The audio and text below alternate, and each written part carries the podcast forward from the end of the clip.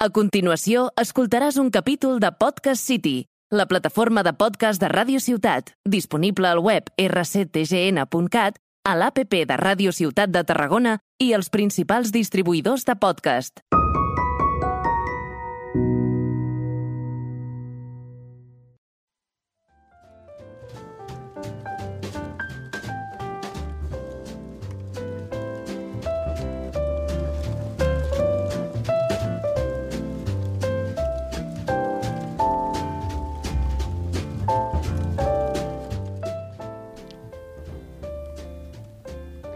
Hola, som la Marta Omella I l'Enric Soler. i, I estàs, estàs escoltant... escoltant- Bueno, no estàs escoltant Quan- Crítics Crònics, estàs escoltant la nostra intervenció Dins de l'especial de Nadal. Bon Nadal a tothom, per cert. Exacte. Bon Nadal, bones tant. festes... Bueno, una petita presentació. Eh, L'Enric i jo tenim un podcast, Crítics Crònics, on critiquem pel·lícules que són bastant dolentes, però en aquest cas porto, portem un petit joc que li he preparat a l'Enric. Sí, perquè a mi, jo no veig pel·lícules, no faig res amb la meva vida, vull dir, no tinc cultura, Clar, l'Enric no coneix les pel·lícules, o sigui, no ha vist les pel·lícules nadalenques icòniques. i m'ha fet buscar un resum de les trames d'algunes d'elles. I ella Perdó. llegirà, eh, eren ressenyes de Letterboxd, Són ressenyes fora de context de Letterboxd. i hauré d'endevinar de quina pel·lícula són. Exacte. Però li he donat les opcions abans perquè no sigui gaire complicat, Exacte. que està Love Actually, Els Muppets, el Muppets, el Grinch, Pesadilla uh, Pesadilla i i Rudolf. Rudolf. Són cinc pel·lícules. Són cinc, però jo no, cinc no diré les cinc. No diré les cinc perquè la gràcia és que si hi havia cinc i eren cinc, l'última ja sabies quina era. Hi ha quatre. Però tu no Val. saps quina està inclosa i quina no. Val. Vols que comenci? Val, què, Tinc, tinc més una si ressenya guanyo? per si se te fa molt complicat. Eh, un besito en la mejilla. Val, una palmadita en l'espalda. Em serveix. vale. Ojo, la primera, la ressenya deia Hot people everywhere, o sigui, gent guapa a tot arreu. jo què sé. Desca eh, algunes segur que no seran. És que Tinc jo... més, si no, me pots la demanar intuïció una et diu, altra. la intuïció et diu Love Actually. Perquè el Grinch són gent amb el raro. Si el Grinch és Rudolf guapíssim. són animals i joguines. Muppets són ninots. Guapíssims. I l'última, que és espècie de Navidad, són monstres és i tal. veritat, és molt fàcil, no? Te l'he ficat superfàcil. Ah, és Love Actually. És Love Actually. Saps què passa que seria qualsevol menys Love Actually? No, no, no. I, no, hi ha algunes que sí que A veure estan... quin és el comentari sí. més degenerat de l'internet. Sí, l'ha anat a buscar, saps? L'altra ressenya que tenia per ajudar-te era quan enganyes a la teva dona per Nadal. Cunde. Spoiler alert. Vale, aquest ha sigut prou fàcil, jo diria. Anem per la Un segona. Segona. La segona diu, eh, el fet de que, espai en blanc, perquè no te puc dir qui, eh, a vegades portés roba, fa encara més turbio que es passi la majoria de la pel·lícula amb el cul a l'aire. Mmm, aquesta ja és un territori una mica Podria més ser complicat. els Muppets. Podria ser els Muppets. El Rudolf no, cre... el Rudolf no porta roba en cap moment. Crec que, Ah, com no pel sigui una jo. bufanda, mm, dubto. Pesadilla crec que va... Porta trajo, traje, no? és el Grinch. Ding, ding, ding, ding, És ding, el ding. Grinch, és el Grinch. Grinch. Que una de les altres eh, ressenyes deia que com pot ser que ell sigui dolent si té un gos. I dic, Total. amor meu, Hitler era vegetarià. Totalment d'acord. Hòstia puta. Crec que això serà més curt de 10 minuts, però no passa res. És igual, tu seguim. Què t'explica interessant? Masterpiece socialista. Literalment l'únic que hi havia a la ressenya. Masterpiece socialista. Ha de ser els Muppets. Oh, és molt fàcil. És Clar, la home, perquè és el, és el cuento de Navidad del Mr. Scrooge. En realitat, la pel·lícula, quan he vist el resum. Oh, oh jo dic, és molt de fàcil. primera saps què he pensat? Que seria el Rudolf pel nas vermell. I he dit, hombre, però no, després no. Rudolf ha de era, ser- era el company de, de Marx. El camarada Rudolf. Seriós? Que potser... No. I última review, que estem entre el no, queden el Espera, vols Rudolf... que te digui una graciosa de Sí. Muppets, també?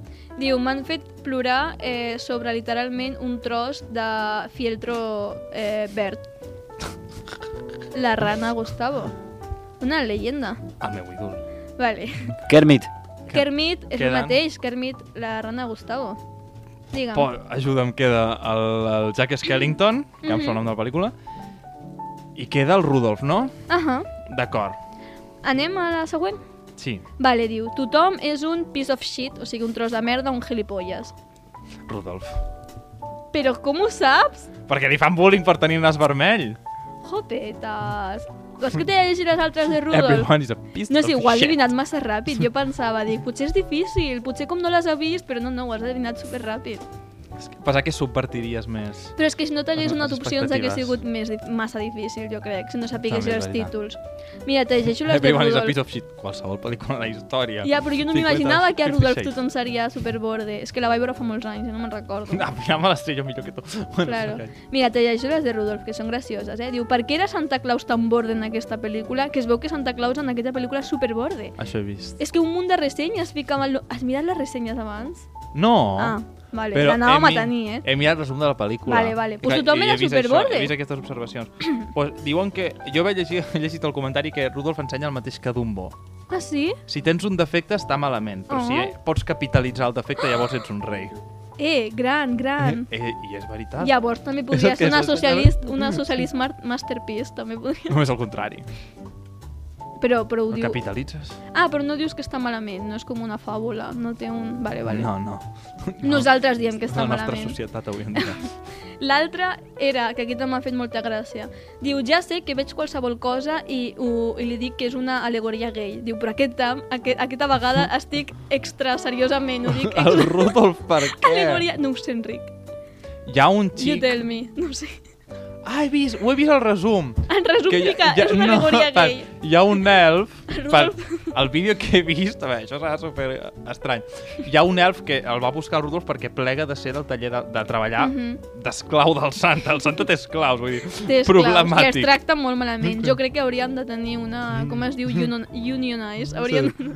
Dona de què parlar, dona Sí. per reflexionar. I s'escapa perquè vol ser dentista. I el vídeo que jo he mirat deia el comentari això de ser dentista és una... Metàfora? un em, em, em, ah, no sé el nom. Un eufemisme Un eufemisme? per ser que vol ser gay. Llavors fiquen, Hòstia, de dentista gay. tallen a una escena en la que està practicant per a dentista amb un altre elf i simplement li diu, a veure, obre la boca. Vinga, va. I Bàsicament és la Ara, lògica. ara serà un altre código, en plan, ets dentista, en comptes de dir, are you fruity? Do you listen to, to Geslin Red? No, no, ets dentista? És dentista. Dentista, ràtio d'heterosexualitat... d'heterose- Heterosexualitat. A mi també se m'atraganta la paraula, però no passa res. No. bueno. bon Nadal a tothom. Bon Nadal, fins aquí el, la nostra Fins aquí la intervenció, intervenció en més especial. caòtica, segurament, de tot l'especial. Eh, us estimem molt, que passeu un molt bon dia amb la vostra família o els vostres amics, i si no celebreu Nadal, que passeu un dia també Amb meravellós. I doncs fins aquí. Adeu! Adéu. Bon Nadal.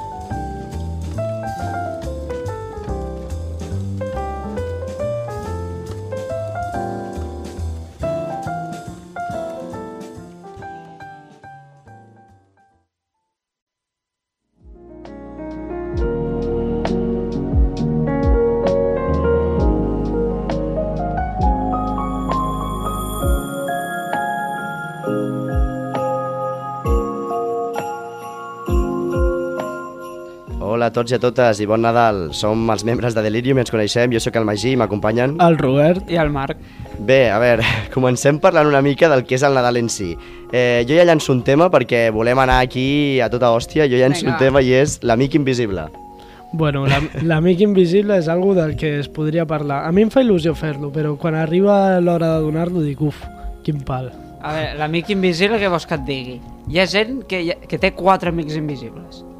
Us penseu que això és normal? Quatre Ja, amics De invisibles? quatre grups. Sí, sí, sí. Et, et gastes tot el sou amb amic invisible? Que si bàsquet, que si castells, classe, I a damunt- amics... Exacte, família. Quin, quin preu creieu que és el millor per l'amic invisible? Home, sempre és 5 euros, no? Jo per lo que he acostumat a fer, normalment a tot arreu, si són amics, 5 euros. De 5 a 10? Sí, de 5 Ho pujaríeu a 10 o què, Marc? Sí, sí, de 5 a 10. Depèn, eh? Sí? Si és un amic invisible així del treball, jo posaria potser 15.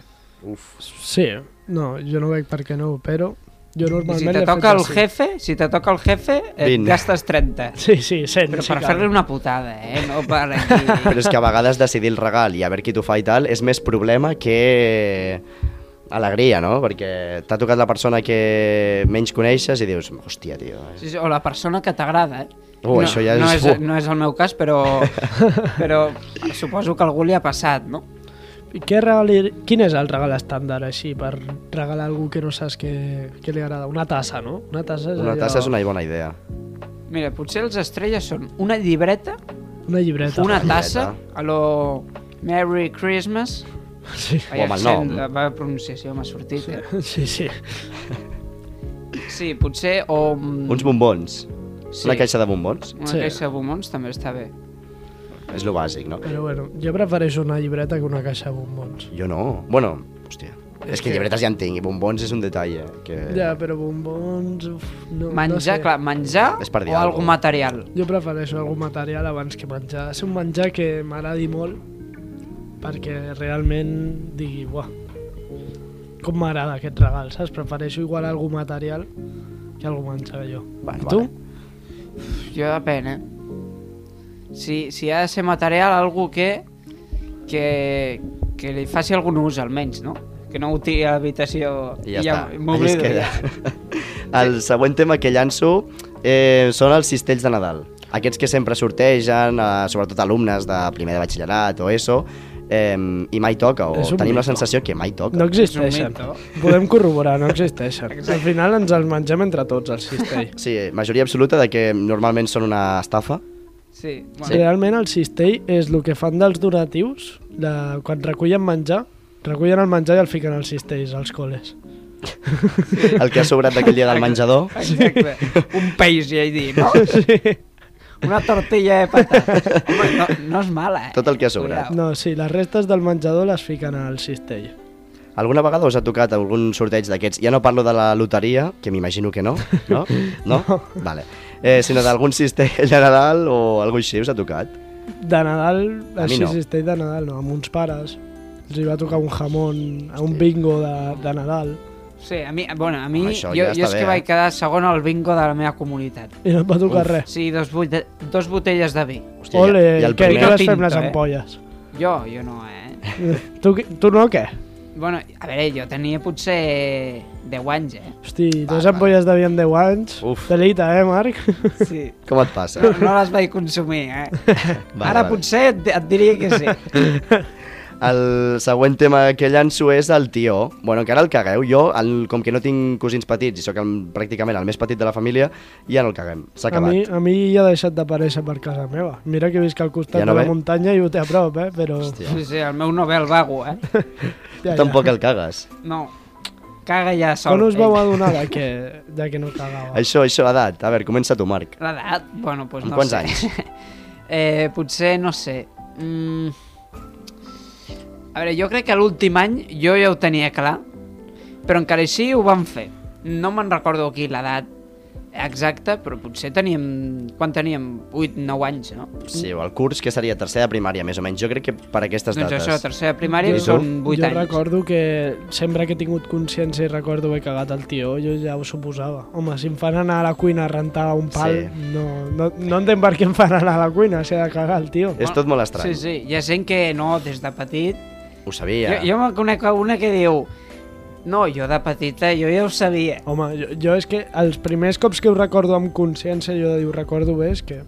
Bueno, jo... Jo- crec que això es diu perquè és que ho penses ara amb 16 anys o amb els anys que sigui i dius, és tan absurd. No, no, però és real, o sigui, jo, jo ja els deia, no, no, jo em quedo aquí, i em deien, no, a la cuina a resar. A resar, Sí, A hòstia. resar. a resar no. i a rentar els pals. A Com rentar feia? els pals. Jo mullava els pals. Sí, eh, els mullaves. Però Vale, perquè els I, mulles- i reses. I tu, Marc? Que... Jo no, Què ni te deien? mullava ni res. Tu, a la cuina, no? Estaven bruts, els nostres. Ves a fer un pipi. Exacte. Hòstia. No, jo doncs, directament cantava la cançó. No me la facis cantar, Robert. Però no, no hi havia rondes o era un cop que el tio? Es, eh, rondes, home, depèn. Pot- Potser fèiem tres rondes i ja està. Jo feia quatre rondes, però igual la primera ronda era una xutxa i l'última una caca de xutxa. Vull dir, no Clar. era allò de... La cosa anava... És veritat. Eh, ja no me'n recordo. fins T'anava a dir... final. Sí. Això t'anava a preguntar. Anava augmentant o anava disminuint? O sigui, ja començàvem a tope? No, no crec. No, a mi m'anava augmentant i al final ja era una, una merda. Quants literal. cops el cagàveu així, més o menys? Tipo marxar, tornar... Quants cops? Jo calculo uns 4 o 5 cops. Jo ho pensava, 3-4. Jo sí, 3-4 a lo, mm, una batalla de la MMA. Doncs igual, per rondes, Més o menys, saps? no? Per rondes. Eh, Però tampoc masses, eh? No. Potser, potser al final estava lo, lo gordo, no? Sí, a poc a poc és el que diu el Robert, que a poc a poc anaven sortint les coses, les coses bones. Eh, un altre tema, aquest és més pregunta, què mengeu el dia de Nadal? Vull saber el vostre menú del dia 25 de desembre. Sushi. Com? Com? Sí, el 24 a casa meva es mengen coses ensaladi, ensalada amb salsa rosa, sushi... Però hi ha el 25? Tipo el 24 nit, Nochebuena, no, ja Com, ho hi ha el com? 25. Ensalada amb Dinar. amanida, per cert. Sí, Ensala- amani... perdó. Ah. És que estava pensant en castellà, disculpa'm. Sí, jo et disculpo. Eh, amb salsa rosa, què és, què, què és més o menys? No saps què és la salsa, ro... la salsa de còctel? Sí, Salsa rosa. es no posa sé. amanides, a vegades a pasta, Què és així, això? freda a l'estiu. Bueno, mengem marisc, generalment, el, la Però nit abans. I el dia 24 de Nadal, nit. Pues sopa de galets i el que ha sobrat del 24 a la Vale. nit. Això volia saber, sopa de galets, vale. I tu? Sí, jo també, sopa galets. I pilota, clar, amb sempre. pilota. Sí, Sí, bueno, van les dues sí, sí, sí. coses juntes. El clar. conjunt, no? Sí, sí, vale. És que amb això del sushi m'he quedat com... Eh, Clar, què això està passant? bueno, depèn molt de, de la comunitat autònom, au- autònoma, vaig veure. Ja. No es menja el mateix um, el dia de Nadal a Catalunya que a Aragó, Hmm. o on sigui. Ja, ja. Imagina't, eh, potser a França es menja no sé què, Bueno, cada cultura i cada lloc tenen les seves tradicions. efectivament. El següent tema que, que us vull eh, proposar és la, la loteria del dia 22, que queda poquíssim ja. Eh, M'imagino que, bueno, altres, altres no podem, però els vostres pares tenen números. Eh, hi ha algun pare o avi que sigui malalt amb els números, allò que en compra un munt, Sí. que té de tot? Uf, a mi això em passa, eh? la meva família en general, mons pares i la meva iaia, si no compren un número ja porten tota la nit ratllats. O sigui, si algú els ofereix i no el compra, Hòstia. mon germà, me'n recordo l'altre dia que va venir, ui, me n'han oferit del pare jo i no n'he comprat. Uf, no n'he comprat, mare, no n'he comprat. I la mare, corre, corre, vés a comprar-lo, i el dia següent ja el tenia. El va comprar? Sí, A veure, que m'imagino que si no després dius, hòstia, l'oportunitat que vaig tenir, si tu què és, que Ja. normalment no és així. Eh, I tu, Marc, que també tens eh, familiars que són ludòpates amb aquest tema? Ludòpat. Que no paren, pum, no, pum, pum. a veure, no.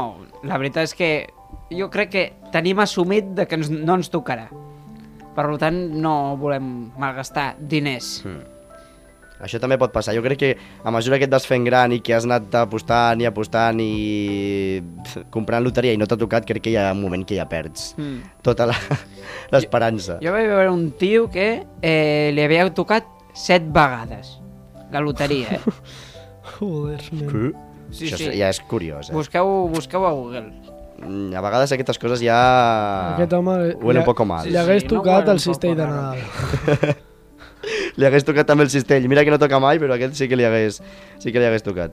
Per cert, nosaltres hem fet cistell, no? Sí. Sí, si voleu comprar, contacteu amb nosaltres. Per Instagram, no? Arroba delirium barra baixa podcast. Sí, és veritat, l'Instagram. en- si a algú li interessa, eh, ho fem a nivell de classe, però però que us el Però que és podríem un vendre. cistell que si ens el compreu us tocarà segur, no? No feu cas del Sí, que el que hem dit abans, de fet, és que som uns hipòcrites. O Sí, sigui, sí, és sí era, mentida. era, perquè, Era humor. era perquè no volíem que us toqués, però si voleu Sí que comprar, toca. nosaltres us podem assegurar que toca. Sí, I anem de a casa vostra i ens el donem. Sí, sí, de fet, personalment. De fet, anirà al tatall. Vale, eh, tema arbre de Nadal i pessebre. Estem a 5 dies de Nadal. Heu muntat ja l'arbre? No. I el pessebre? No. L'arbre sí, jo l'arbre sí. Jo l'arbre sí. El pessebre el muntes o normalment no? Eh, no, els últims anys no. I l'arbre no l'he muntat jo, eh, l'ha muntat mon pare. Jo ahir vaig sentir per casa algú de l'arbre, però no, jo encara no he vist res. Tu no has vist res. S'ha quedat com a anècdota, no? Sí. Hem de muntar l'arbre. Sí, A veure qui el munta, no? és un dato que va soltar ma mare i ningú va Us he contestar. de confessar jo Ep. que jo l'any passat no el vaig muntar. Molt ben fet. Però per què? Perquè no... Per estalviar a no us casa va seva. venir de gust. No sé, ja el faré el cap de setmana següent i així fins al gener. Ben fet. Hòstia. Hi ha gent que el té tot l'any, no? Que El estàs pessebre? a agost i té l'arbre de Nadal. El pessebre és, sí que és important. No el tinc, però bueno, és important. Però tu el fas normalment, no ara. Si el Jo tens. sí, jo sí, Vale. però és que el tenir gat és un... Gat ja li m'ho encanta imagino. el pessebre. Dorm allí, se menja les figures, després guai. les vomita... O sigui, el Hòstia. gat es menja el nen Jesús. En no el nen Jesús, però el, el musgo se'l menja i Ah, després sí. s'espurguen per dins. És com que els agrada menjar herba per vomitar. Hosti. Bé, eh, esperem que, que us sentiu identificats en la majoria d'aspectes. Sí, no? gat, sobretot. Menys amb lo del cistell, que ja hem dit que això ho borrem, que no passa res, tothom s'equivoca. Dit això, bon Nadal de l'equip de Delirium, voleu dir alguna més? Bon Nadal Bones i festes. felices festes. Sí. Bon Nadal.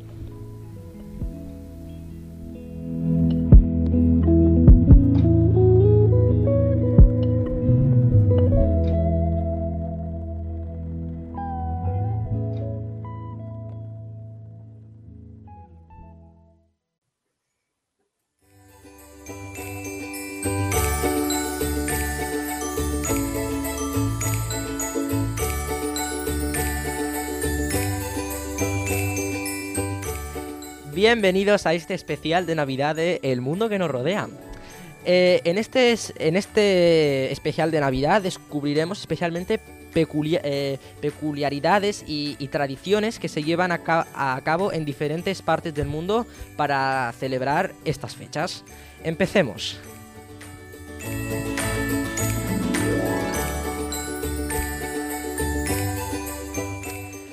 Eh, la, Navidad es la fiesta más importante para muchos en todo el, mundo. Eso sí, no para todos es igual.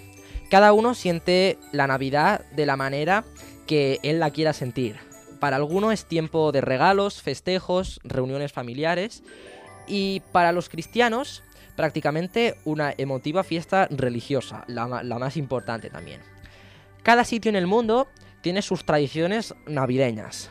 Algunas de ellas están repartidas por el mundo, por ejemplo lo de Papá Noel barra Santa Claus, y otras tradiciones son únicas por zonas. Un ejemplo muy claro lo tenemos aquí mismo, el Catio.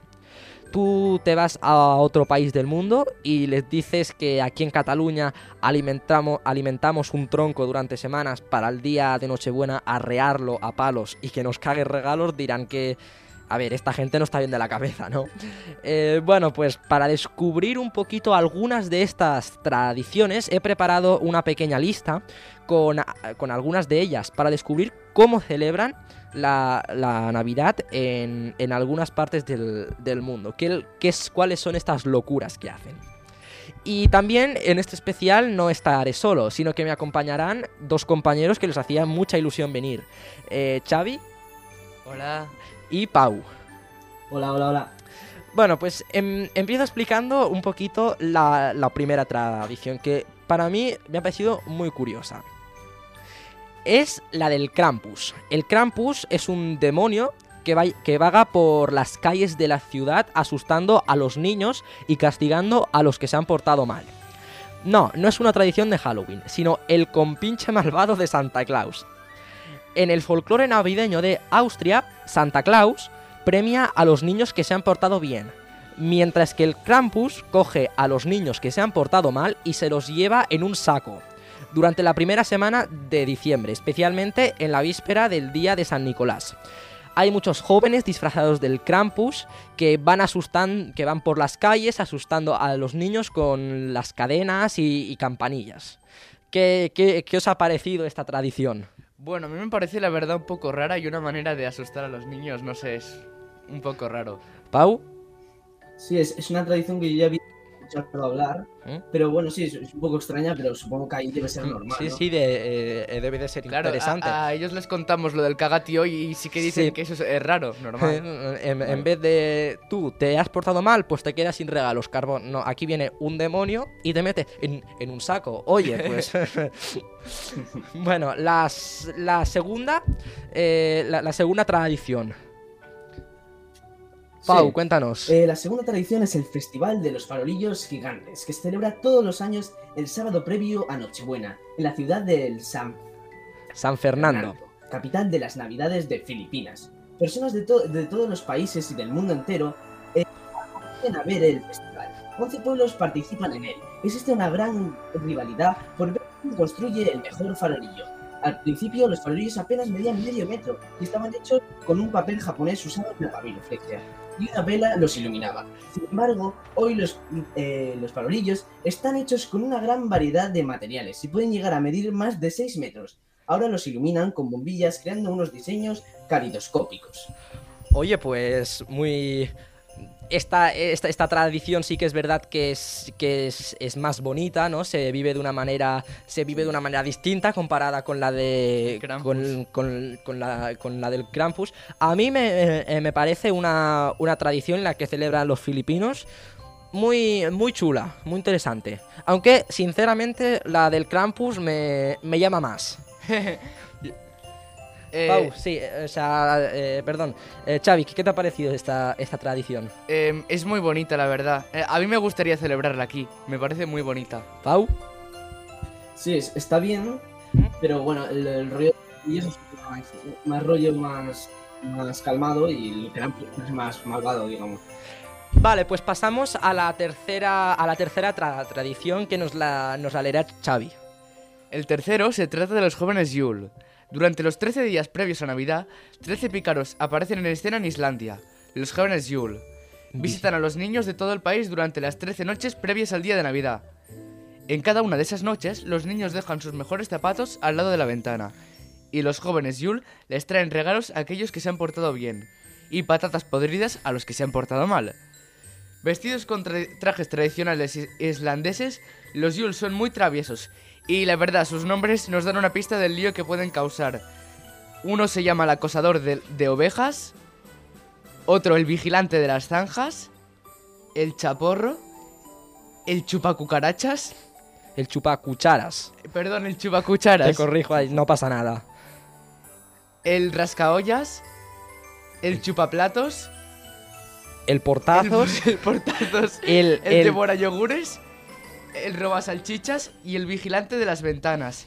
Y no nos olvidemos también del hus- husmeador de puertas. Pero vaya, vaya nombres, ¿no? Para... Desde, desde luego, eso.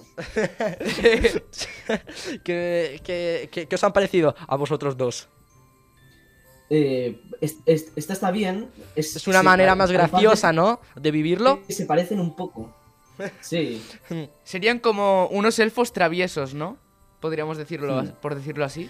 Y, Tienen un nombre un poco raro, la verdad. y tengo aquí un, do- dos más a- a- apuntados, que son el gancho robacarnes y el robavelas. Estos son los... eh, eh, los jóvenes Yule que van por Navidad haciendo sus, sus, tra- sus tra- sus travesuras. Y también importante, si te portas mal, no te traerán regalos, sino patatas podridas. Vale. eh, bueno, ahora pasamos a la siguiente. Prácticamente en todos los países, eh, los más pequeños de la casa dejan leche, galletas o polvorones, ya sea a Papá Noel o a los Reyes Magos. En, en Irlanda le han dado una vuelta tuerca a esta tradición navideña y lo han hecho un poquito más suya. En vez de estos típicos dulces, los irlandeses prefieren dejarle a Santa Claus un poco de pudding hecho con Guinness o whisky irlandés. Eh, en la República... el, bueno, perdón, pasa- eh, esto sería la de la República Checa, ya, se- ya sería otra. Eh, bueno, no sé, ¿qué, ¿qué os ha parecido esta de a Papá Noel dejarle un pudding hecho con whisky? Sí, bueno, la verdad, eh, la dieta de irlandesa es muy rara. Y es, es cierto eso, no solo por el whisky irlandés, pero me parece original, la verdad. Me parece original. Mm, muy bien. Mm, Vale, Pau, eh, léenos esta, si- esta siguiente que está marcada en, en rojo también, la de en la República Checa. Eh, en Australia, al igual que en todos los países del hemisferio sur, para ellos la Navidad es en verano. Entonces, ¿qué mejor manera que celebrarlo con un bañito en la playa y después una buena barbacoa?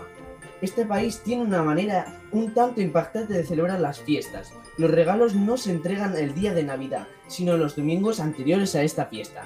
La tradición marca que dos domingos antes del 25 de los niños de casa secuestran a su madre y la, atacan, y la atan a una silla.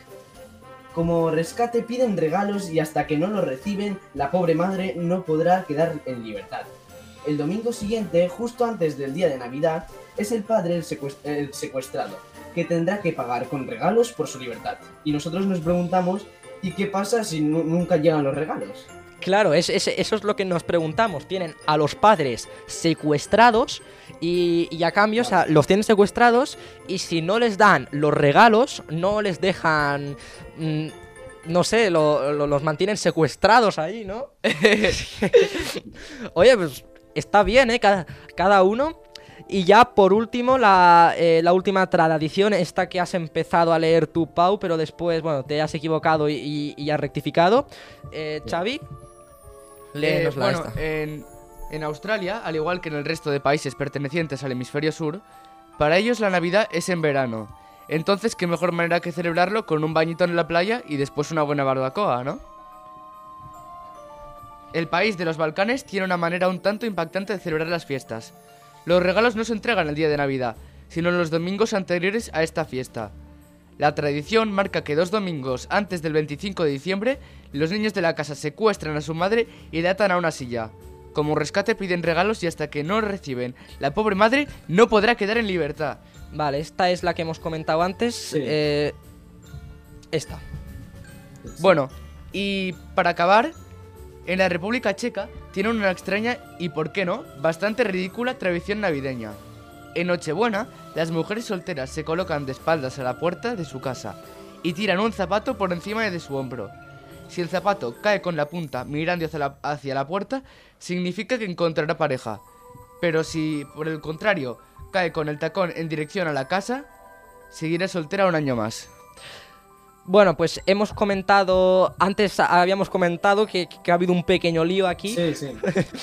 Eh, hemos comentado la, la- la de los países balcanes, la, la de que secuestran a los padres. Entonces, eh, la que tú también nos habías leído, Pau, era la de que en Australia celebran las, nav- las navidades en la playa, ¿no? Porque, claro, en, en el hemisferio sur, cuando aquí es invierno, allí es, es verano, ¿no? Entonces, ¿qué, qué os parecería a, a vosotros ir a celebrar la, eh, la Navidad con una barbacoa en, en la playa, una, un, un bañito?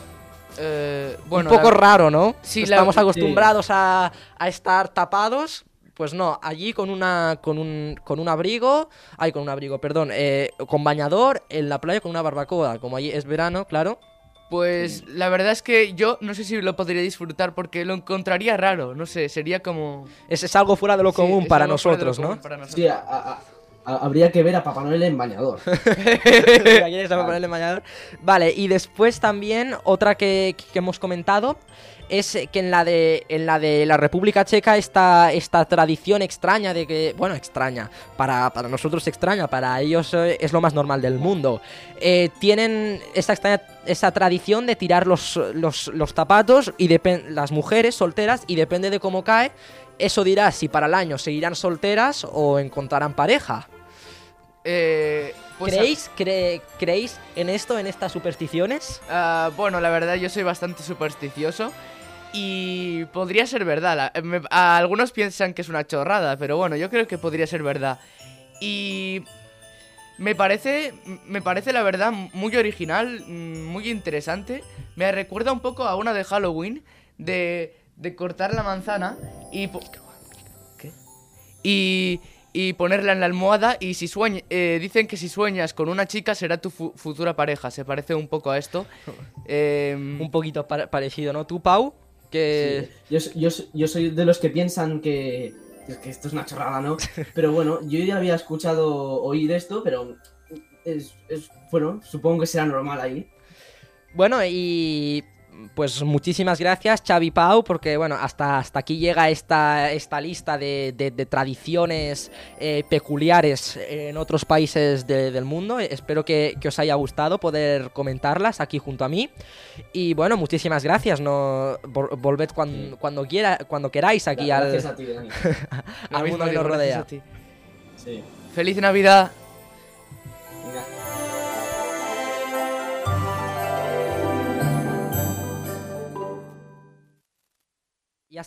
Y hasta aquí. Llega este especial de Navidad. Espero que os haya gustado esta lista de, de tradiciones navideñas en el resto del mundo.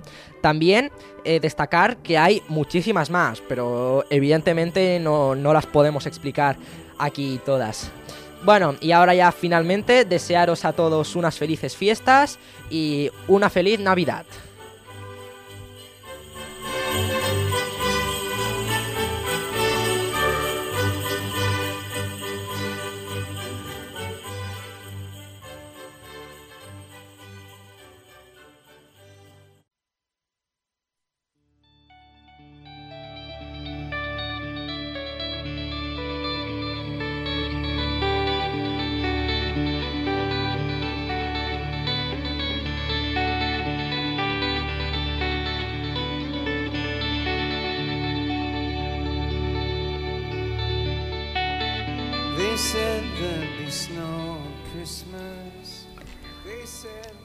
Muy buenas. Muy buenas, ¿qué tal? Pues aquí estamos interviniendo también. ¿no? Aquí estamos en Navidad. Qué bonita la Navidad. A mí me encanta, ¿eh? O vaya mierda de O vaya Navidad. mierda Navidad, ¿eh? Es que la odio. Yo Verdad. escucho mucha gente que dice Es eso. verdad es que es como muy. Está muy polarizada, ¿no? La Navidad. Gente que le encanta la Navidad Sí. y gente que la odia la Navidad.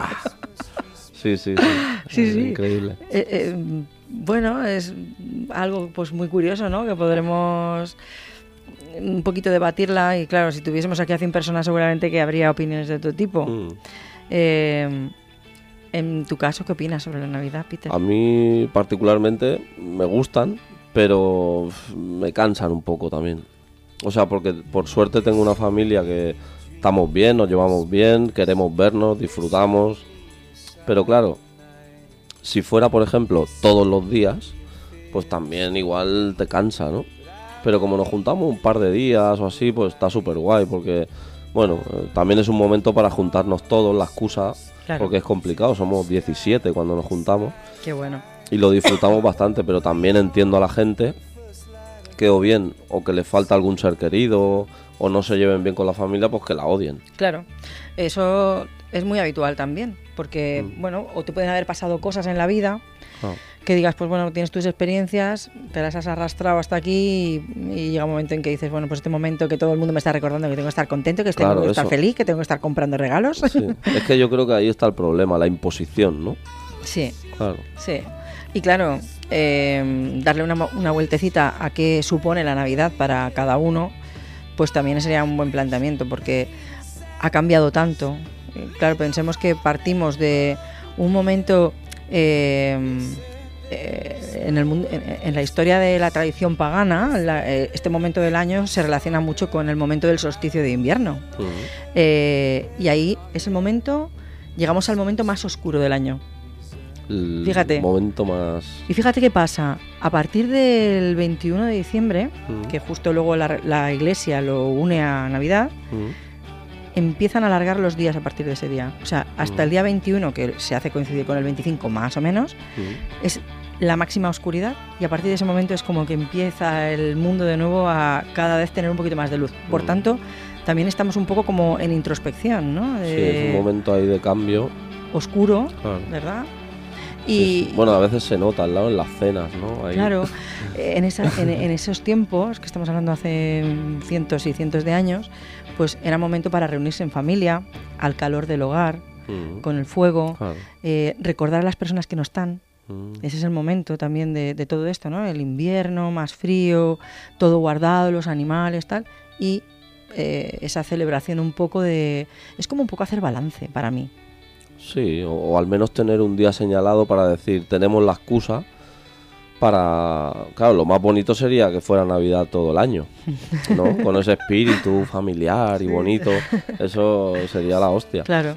Pero bueno, ya si no se tiene, pues al menos tienes ahí una excusa para decir, venga, va, pues hablamos cuando estás estable emocionalmente. Eso es. Pero claro, si estás en un momento ahí de altibajos o estás o te has enfadado con tu cuñado o con tu hermano o con tu tal y lo tienes que ver ese día, pues es una putada. Claro, claro. Y encima que te toquen el amigo invisible, ¿no? Dices, pero qué El colmo del cuñado, Sí, que no soportas. Que te Las historias de los cuñados son buenísimas, ¿eh? Yo por suerte tengo cuñados que me río bastante y tal. Yo ¿no? también, yo Pero también. son personajes, ¿eh? Mis cuñados. Desde Sí. aquí un abrazo. Y desde aquí un abrazo para los míos. Tengo dos solamente, pero Tengo uno eh, que, bueno, eh, cuando nos ponemos a debatirse, ¡buah! Y, y nos ponemos ahí a tope. Yo tengo uno que mi cuñado, o sea, Mm. cuñado masculino, solo tengo Cuñado. solo tengo uno, le, va- voy a mandar un beso muy fuerte porque yo me siento muy mimada por él. Es Mm. como mi, mi hermano mayor que no tengo, porque yo soy la Mm. mayor de mis hermanos y él es mi hermano mayor. Y entonces está ahí como mi hermano mayor y siempre es como una persona de, de- de juicio, ¿no? Así que le mando un besito muy fuerte. Ojalá nos pudiéramos juntar, porque nosotros somos- en nuestro caso somos muy pocos, pero a mí lo que me mm, peor llevo de la Navidad es, es lo que decíamos al principio, la imposición del capitalismo, de, mm, Comprar, de comprar. consumir, de eso regalos. es, Peter, sí. eso no, es. yo eso lo llevo fatal, ¿eh? O sea, Sí. las fechas señaladas para tener que... Yo soy antirregalos. Antirregalos yo también. Es que no, no, no me gusta. Fíjate, de hecho, además es una cosa que propongo cuando yo a nivel de mis cosas, que la gente construya algo con sus manos, artesano, ¿sabes? Sí, eso tiene más valor, ¿no? Sí, lo que sea. Y dices, pero bueno, ¿cómo me has hecho un jersey de renos? Pues bueno, es sí, un jersey de o- renos que lleva amor. O una cartulina con una frase, ¿no? Que te inspire o te diga. Sí, eso. Mira, eh, luego vamos a pensar en ideas para cuando haces cosas, pasan cosas, pero eh, sí, ese planteamiento que yo diría, volvamos un poco de nuevo a mm, reflexionar, ¿no? ¿Qué supone la Navidad? Es un momento de reunión, un momento de celebrar el amor en familia. Sí, pero bueno, también hay que ponerse del lado de las personas que la odien. Bravo. Claro, porque de aquí las estamos personas- solo con unicornios Claro. y arcoíris de colores. O de las personas que están solas. Yo también Claro. diría eh, hacer un lanzamiento también aquí desde aquí a quién puedo echar una mano en estos días.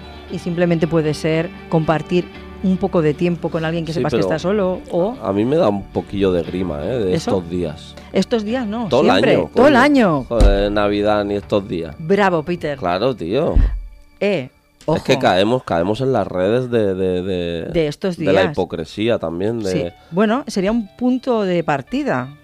Sería un punto de partida, es decir, empiezo ahora y lo prolongo, porque estamos viviendo en una sociedad tan individualizada y tan mirando para adentro que no pensamos nunca a quién podemos echar una mano. Somos seres sociales que nos llevamos y sobrevivimos mejor en conjunto.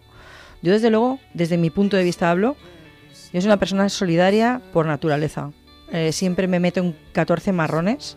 He estado en asociaciones y planteo que si tengo algo de tiempo, echar una mano. A quien, es que a lo mejor simplemente es una conversación con Ujú. alguien que sepas que está solo, Sí, o, pero siempre. Sí, sí, está, está bonito. ¿Por qué no compartimos algo de nuestro tiempo? Seamos un poco más generosos Mm. eh, con los demás. Y luego las personas que odian la Navidad, también mm, quizá es un momento también para... Porque si, si tú te paras a pensar cuando recreamos un recuerdo del pasado, lo estás recreando ahora. O sea, eso ya pasó. Exacto, eso está mohoso ya. Claro, si tú eso lo sigues recreando igual que lo que siempre pasó, siempre vas a tener esa energía chunga. Exactamente. Mm, Acabas de sacar un tema muy chulo, que es el- la línea del tiempo, mm. ¿eh? del pasado, el presente y el futuro. O sea, sé que es muy difícil trabajar Claro, esto. estás perpetuando el, El pasado. el pasado continuamente. Es que el pasado ya no está. Cambia tu presente. Claro, y además que el pasado todo el tiempo lo estamos viendo con los ojos de una lente que ya no está, es la lente del pasado. Estoy diciendo, y para hablarlo más, más llano, ya no soy ni la misma persona. Estoy viendo un hecho que sucedió hace tiempo con los ojos de María José MJ del siglo XXI, del año mi- 2022. O sea, ya no es lo mismo. Centrem- intentemos hacer un ejercicio pequeño. Es muy difícil, ¿eh? Cuando hay algo que ha sucedido que es gordo, yo Sí, lo sé sí. por experiencia propia, es muy difícil cambiar Pero- eso. Pero, ¿por qué no hagamos un poquito de ejercicio? de- Perdónate. perdónate. Perdona al pasado también. Mm. Perdonar a otras personas eh, también es un gran ejercicio de generosidad. Porque que- es que al final, si no, no puedes vivir en paz. Mm. Sí, sí. ¿Sabes? Eh, leí hace un tiempo un libro, es que ahora no recuerdo si era Jorge Bucay, creo, que hablaba sobre los mecanismos que tenemos de defensa activados cuando nos vamos a dormir. El cerebro hace como una especie de check-in, ¿no? Está haciendo un repaso, decir, ok, eh, estamos relajados, sí, eh, la temperatura es buena, sí, eh, hay luz, eh, no. Ok, ¿hay enemigos? Eso lo pregunta el cerebro de manera inconsciente. Enemigos se entiende cualquier pelea que pueda tener o, problema. Si eso no está perdonado, yo no puedo descansar tranquilo. Mm. Entonces, demos una vuelta también a eso, Mm. porque igual es un buen momento, como un buen regalo que me podría hacer a mí mismo, Mm. trabajar algo de todo eso. O crear tus propias navidades. Buena idea. claro que sí, ¿por qué no? Sí, las navidades de fuera son una mierda, vale.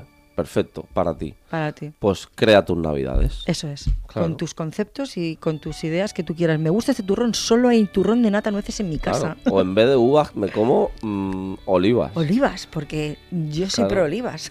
Claro, o yo qué sé, me voy a viajar y lo paso por ahí.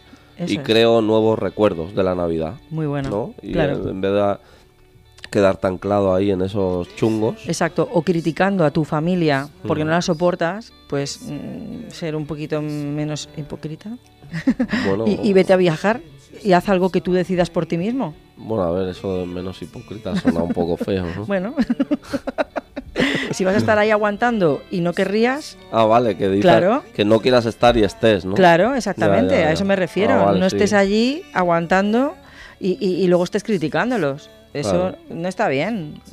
Realmente, o, o perdonas y estás, o Claro, porque- celebra tus navidades como has dicho tú. La gente también es jodido decir, oye, que yo no voy a esta cena de Navidad porque no me siento a gusto Sí, y, y no me hace bien. Claro. ¿Tú sabes la película Eso- esta? esa no. ¿Sabes la película esta de Love Actually? Que esa se ve siempre en Navidad. De romanticismo y Sí, tal, ¿no? bueno, son varias historias de amor muy chulas porque hay historias de todo tipo. Hay historias de pareja, hay historias de amigos, hay historias Mm. de amor romántico. Y hay una escena en la que hay un personaje que se deja a una persona que cree que ha conocido que es importante en un lugar y está llegando a casa de la familia con las bolsas de los regalos y Mm. cuando acaba de entrar y están todos locos con él, dice, oh tío, tal y cual y cual, Eh, dice, ok, mm, pero me voy y deja las bolsas y coge un avión y se va a buscar eh, lo que él realmente le es importante, que es qué el amor. bonito. Qué bonito es el Madre amor. mía. Bueno, creo que Sí, hasta aquí nuestra opinión sobre la Navidad. sí, vamos a desear unas buenas fiestas a Sí, unas conscientes Navidades, Bravo, conscientes navidades y como idea en cuando haces cosas felices o tristes. Exactamente. Porque pueden ser unas felices, tristes Navidades. Claro, ¿No? yo también he pasado en Yo a navidades. veces he estado triste y feliz. Claro, triste y feliz, exactamente. Claro. Yo eh, eh, hablo por experiencia, yo he tenido navidades en las que he tenido momentos muy difíciles, por pérdidas muy importantes, y tienes el corazón partido, pero eh, ahí está el deseo de seguir viviendo, de seguir celebrando, y siempre hay un motivo Mm, en la vida para estar contento. Yo quiero esta, también este, te- este capítulo dedicárselo a mis chicos, a mis hijos, con ese Mm. tema tan bonito que está sonando, que saben que es su himno de Navidad el día Mm. 25, y desearle unas buenas fiestas a todo el mundo. Qué chulo. Yo también. Yo Os también, deseo. Peter. Yo te deseo buenas fiestas, Peter. Yo también a ti, a mejor. y a todos vosotros. Y a todo el equipo. Sí. Luis, feliz Navidad. Luis, feliz Navidad. Y a todos los podcasters de Po- Podcast City y a Radio Ciudad. Un besito. Muchas gracias por esta oportunidad. Este año ha sido uno de nuestros pluses.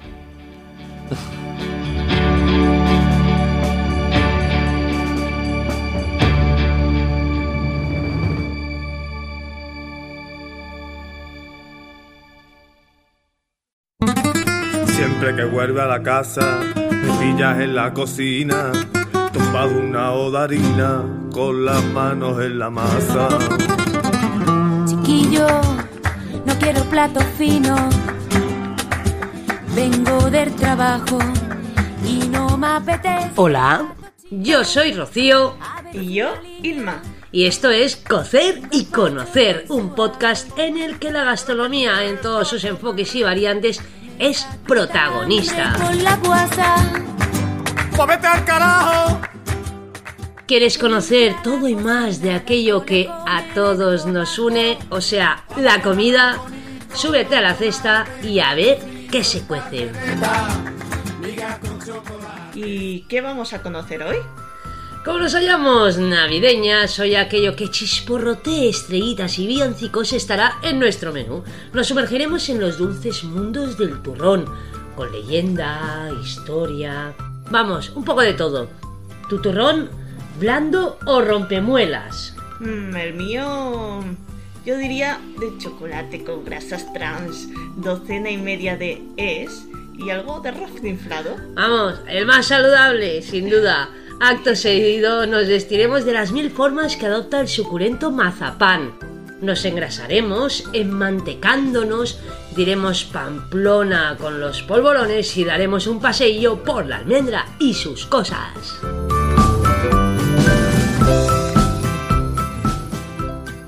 ¿Y del cocer navideño? Conoceremos que se cuece aquí y allá en estos días. También descubriremos un truquito para conseguir un tierno pavo y una receta que ya os aviso es dulce, dulce Navidad. Pues que resuenen con alegría. Resuenen con alegría los cánticos de mi tierra y viva el niño de Dios que nació la Nochebuena. El turrón. Este delicioso dulce se piensa que ya se preparaba en antigua Grecia. A los deportistas griegos se les servía una pasta compuesta por frutos secos y miel para competir en las Olimpiadas. Se cree que en el siglo XVI ya existía el turrón en la villa de Sexona, la actual Gijona. Una de las versiones sobre el origen del turrón era que los árabes propusieron un concurso para encontrar un alimento nutritivo que se conservara durante mucho tiempo y que fuera de fácil transporte. La palabra turrón proviene del latín torrere, ya que era una mezcla de miel y frutos secos que se cocían al fuego, formando así una masa consistente.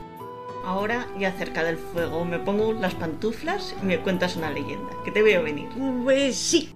Y es que una leyenda de Gijona explica el origen del turrón de este modo. Cuenta que el rey se casó con una princesa escandinava. Esta chica tuvo que dejar sus tierras nevadas que tanto le encantaban. Fue de este modo que perdió la alegría. ¿En serio? Ya te digo. El rey, que también flipó ante tal depresión, tuvo la genial idea de cultivar almendros por todo el reino. ¿Y para qué? ¿Con qué objeto? Según este señor, que no iría demasiado atareado, de este modo, cuando los árboles ofrecieran al mundo su flor blanca, regalarían al paisaje un aspecto muy nevado. Y así fue.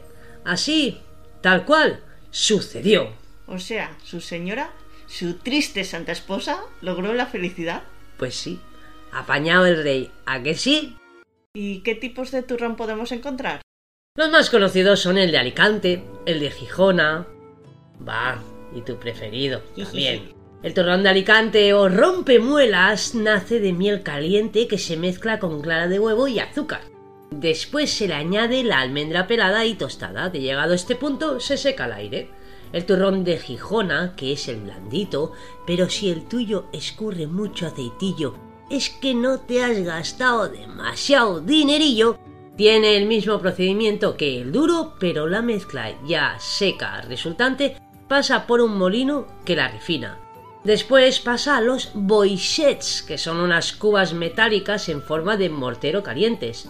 Aquí toman el protagonismo los maestros turroneros y el arrematador, que va mezclando la masa con unas palas y con un movimiento equilibrado y armonioso. Estos maestros son los que deciden cuándo está a punto el turrón. Es por eso que es muy difícil conseguir siempre el mismo turrón.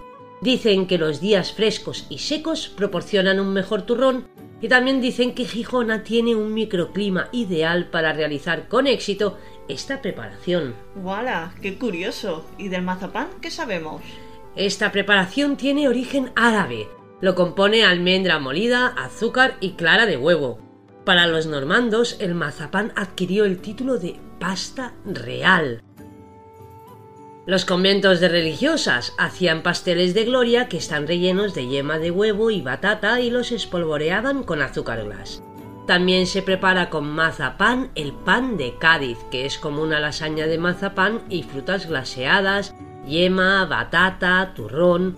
A este tipo de lasaña la cubre una plancha de mazapán que la envuelve simulando un paquete. También podemos disfrutar de los piñonates, que son bolas de mazapán con piñones y todo glaseado con azúcar. Impresionante, pero no existe Navidad sin mantecaos y polvorones. Exacto, son los reyes del evento. En cuanto a mantecaos se refiere, unos dicen que nacen en estepa y otros que lo hacen en Antequera. Uy, uy, uy, uy, ¿me pongo las pantuflas? Pues sí, porque resulta que corría el siglo XVIII cuando por aquellas tierras las tropas francesas derribaban los árboles para evitar que los guerrilleros tuvieran escondrijos. Capañaos también. Así se quedó el paisaje llano donde se cultivaron cereales. Se piensa que, como había excedentes de cereales y de manteca de cerdo, diseñaron nuevos y sabrosos dulces. Actualmente existen en Estepa muchas fábricas de mantecaos, aunque en el resto de la península también se preparan. En el mercado podemos encontrar mantecaos de muchos tipos, el de almendra, el de canela y ajonjolí, el de limón. Uno de los derivados del mantecao es el polvorón, que se hace con almendras también y acostumbra a ser más grueso, a llevar menos manteca, a llevar más harina y van espolvoreados de azúcar glas. Y que pide a gritos palabras con P. ¿Lo probamos? Pamplona.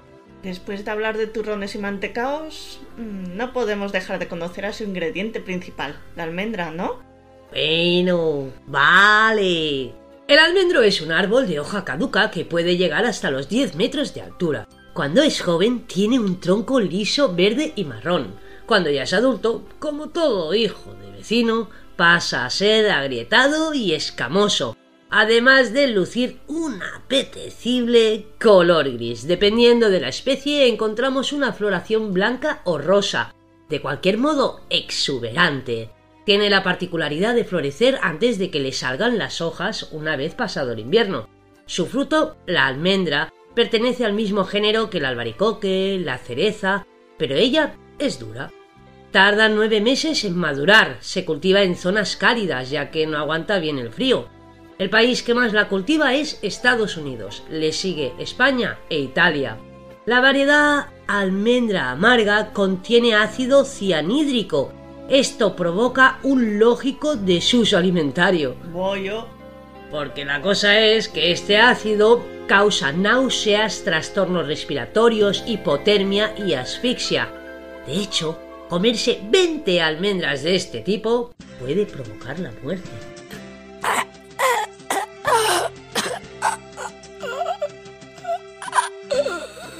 Pero la almendra que comemos es muy nutritiva, además reduce el riesgo de sufrir problemas cardiovasculares y reduce esos malignos, malignosísimos triglicéridos. Tiene muchas proteínas, fibra, grasa de la buena, tiene minerales como el hierro, el magnesio, el potasio y le visten las vitaminas E, B1 y B2. La leche de almendra se usa como complemento alimentario en casos de anemia. Tiene más calcio que la leche y más hierro que la carne. Qué flipante, ¿no? Pues sí, tanto que en la religión cristiana la almendra tiene un gran papel. Hace de Jesucristo. ¿Eh? Parece que su naturaleza divina está escondida en su naturaleza humana. Espera, espera, espera, explícate. Así como Jesucristo, antes de nacer, eh, por otro lado, como cualquier mortal. Ah, no, no, no, que éste resucita. Bueno, en fin, que estaba dentro de su madre, muy a menudo encontramos representaciones de la Virgen, Jesús y los santos dentro de una almendra. Un extremo apunta al cielo y el otro a la tierra y simboliza la unión entre los dos. Por si fuera poco, también hallamos la almendra en mitos de otras religiones. Una de las hijas del rey Midas se murió de pena cuando su marido murió. Hasta ahí, normal. Pero de esta chica nació un almendro. Para la tradición judía, la almendra representa aquello que está escondido, misterioso. Comerla significa descubrir sus secretos. También es símbolo de juventud. Como decía Antonio Machado, Bueno. la primavera besaba suavemente la arboleda. Las nubes iban pasando sobre el campo juvenil. Bajo ese almendro florido, todo cargado de flor, recordé y yo he maldecido mi juventud sin amor. Hoy, en mitad de la vida, me he parado a meditar. Juventud nunca vivida. ¿Quién te volviera a soñar? Venga, baja ya de las nubes y vuelve a la cocina. ¿En qué otras preparaciones encontramos la almendra? La almendra en praliné, tostada con aceite y sal, en vinagreta, en forma de salsa, en todo tipo de guisos dándoles cuerpo, garrapiñada. Las lembas de la Tierra Media se hacían de almendra y flipa como pringaron los de la comunidad del anillo ahí corriendo todo el día. Y del zampar navideño, lo que es plato plato, ¿qué tenemos? En Cataluña no faltan la escudella, el marisco, el pavo, el capón. Este último tiene varias particularidades. Estamos ante un privilegiado de la granja, es un pollo super cebado. Estos pollos viven en la zona VIP de la granja, allá donde no hace ni frío, donde no te puedes mojar. Ahí están guay, seguramente al lado de los gatos.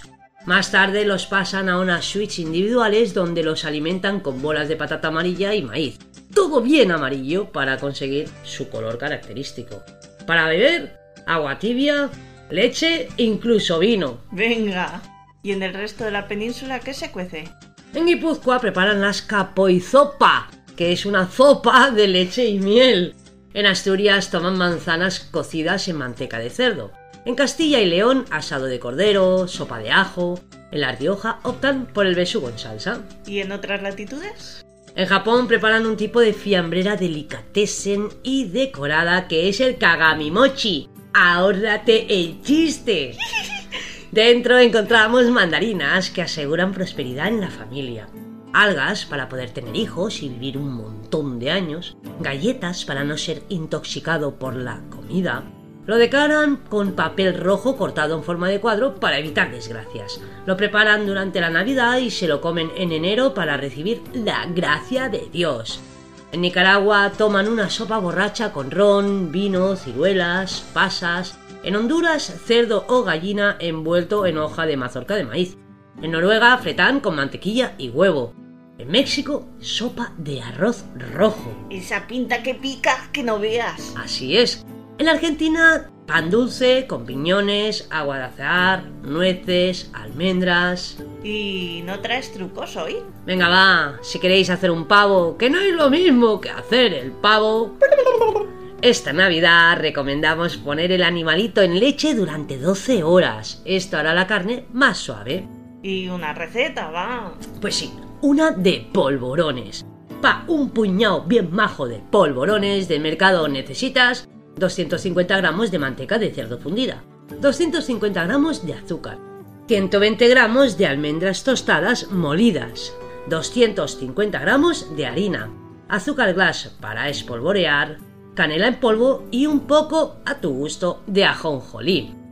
¿Y cómo se hacen? Ponemos el horno a 150 grados Celsius, calor arriba y abajo sin aire ni humedad. Batimos la manteca hasta que esté casi espumosa. Se añaden despacio el resto de ingredientes, excepto el azúcar glass, que será para el final. Se trabaja hasta conseguir una masa bien fina. Se estira hasta conseguir un grosor de 3 centímetros. Se pasa al horno y cuando se doren un poco se sacan. Acabamos espolvoreando azúcar glass y, a decir, Pamplona. Se está chupado hacerlos. Y la pasta que te ahorras, que te traen unos precios... Y hasta aquí nuestro paseo navideño entre coceres y conoceres. ¿Has aprendido algo? Pues voy yo. Pues esa era la idea. Ale, a ser buena en la mesa y fuera de ella. ¡Feliz Navidad!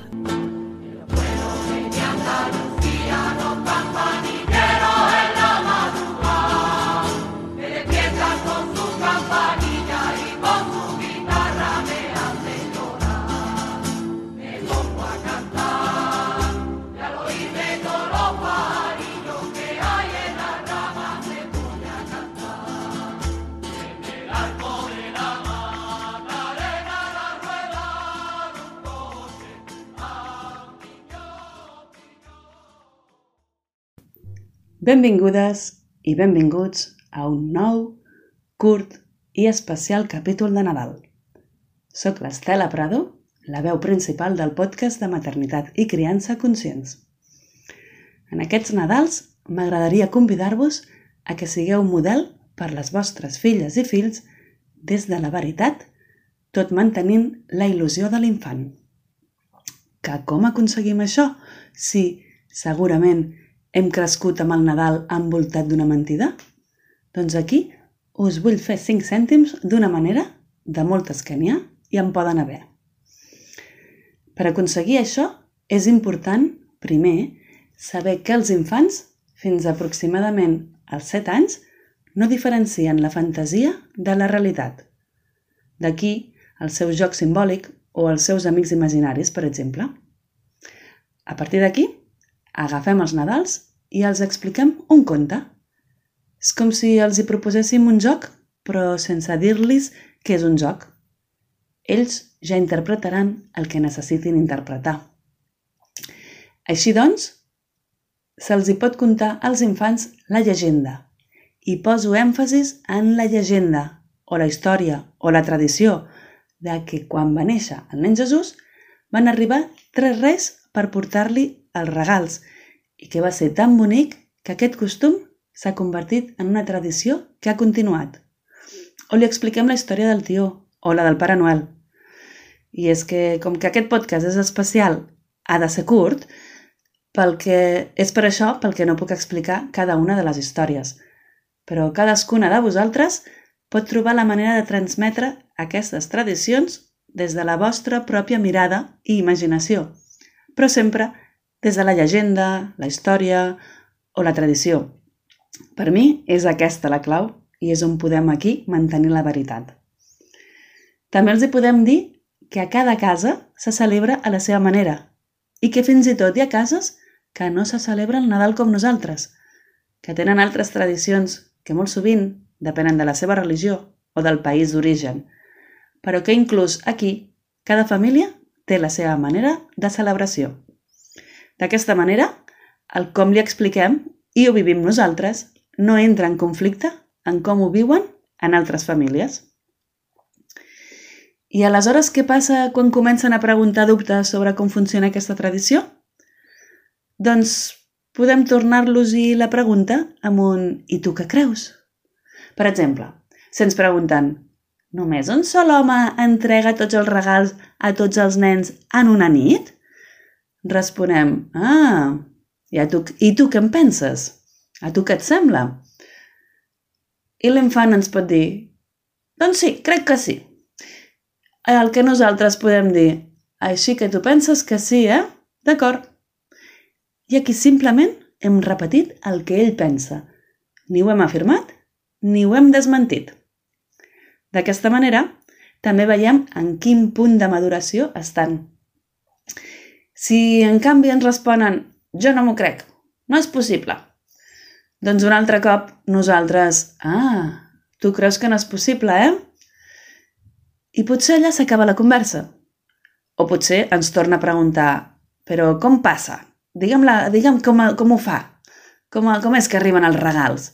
Doncs nosaltres tenim l'opció de dir si així ho sentim, que creiem que encara no estan preparats per aquesta resposta i que tan aviat com sentim que ho estan, en parlarem. Al igual que hi ha coses de grans que no expliquem. Per exemple, expliquem que els nens es creen de la llavor de la mare i del pare, però no expliquem com s'ajunten aquestes llavors, oi? Doncs el mateix. O potser ha arribat el moment de desvetllar alguna petita part del funcionament d'aquesta tradició.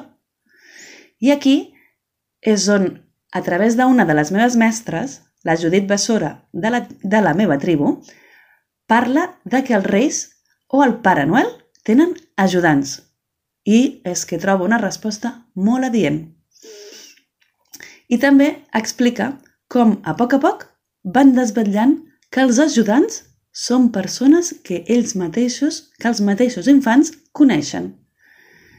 I quan sentim que estan preparats, els podem fer partíceps de la creació de la il·lusió. Es poden ells mateixos convertir en un ajudant més.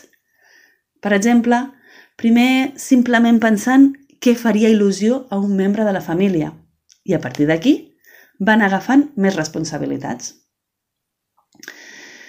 Tot el funcionament és interessant anar-ho desvetllant a poc a poc, Nadal rere Nadal, o inclús any rere any, perquè de fet en podem parlar fora de dates de Nadal, perquè d'aquesta manera l'emocionalitat no estigui tan present i no sigui, entre cometes, una distracció en l'assimilació del que li anem explicant.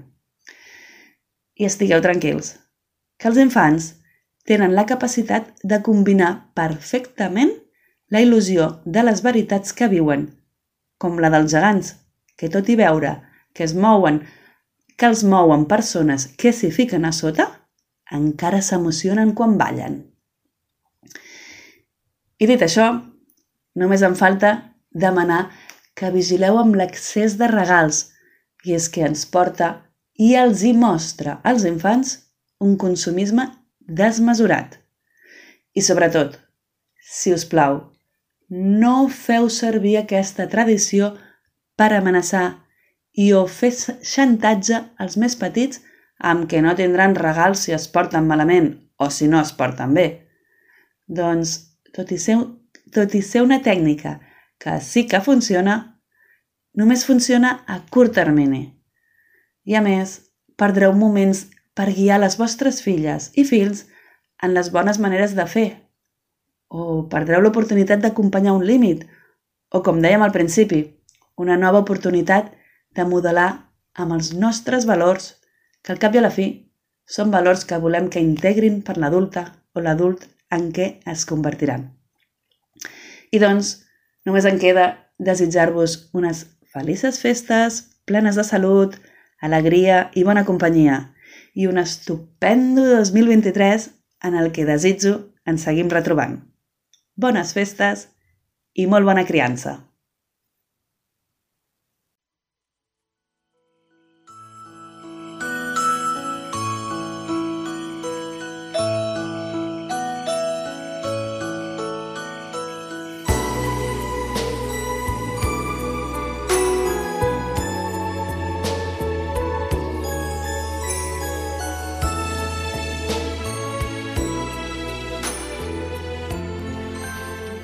Buenas, somos Marjorie y Alicia del programa Destruir la Norma de Cerdas y Diamantes y hoy para este especial de Navidad os traemos unos tips, pero no los típicos tips, eh, los clásicos, sino unos a nuestra manera, como todo lo que hacemos y bueno, que nos van a servir un poco eh, para destruir la norma eh, en estas fiestas, ¿no? Si es que las celebráis. Exacto. Así que vamos a empezar. Tips navideños y de año nuevo. Uh. Primero, dejar de normalizar la violencia por las opiniones y chistecitos del cuñado de turno, que ya sabemos que en cada comida y en cada cena hay alguno. O sea, lo que serían los José Luises que nosotras decimos, pero de nuestra familia. Sí, siempre hay mínimo uno. Cada familia mínimo hay un Mínimo, José Luis. claro, Mm. cumplir el cupo. De hecho, vamos a hacer nuestro el no, calladitas no estamos más guapas. Reivindiquemos ser chicas tristes. Este concepto es un concepto ideado, expuesto, reivindicado por Reinas y Repollos, que son activistas que las podéis encontrar en YouTube, en Instagram, en Twitch. Sí. Em, son veganas, interseccionales, etcétera. Y reivindican este concepto de chicas tristes, ¿no? Si quieres explicarlo tú, Alicia.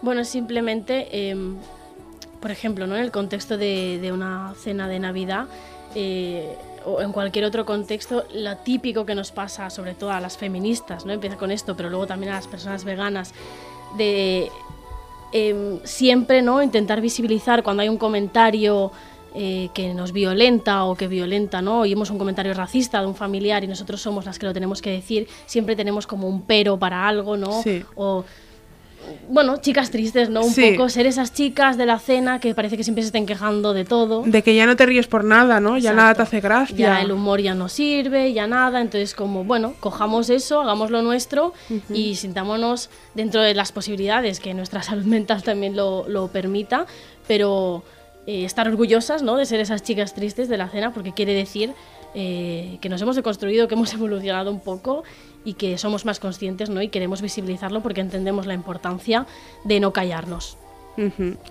Segundo tip. Tema comida. Que este es un temazo, ¿no? En estas, en estas fechas, ¿no? Sabemos que es una época de excesos y hemos normalizado conductas insanas en relación a la comida.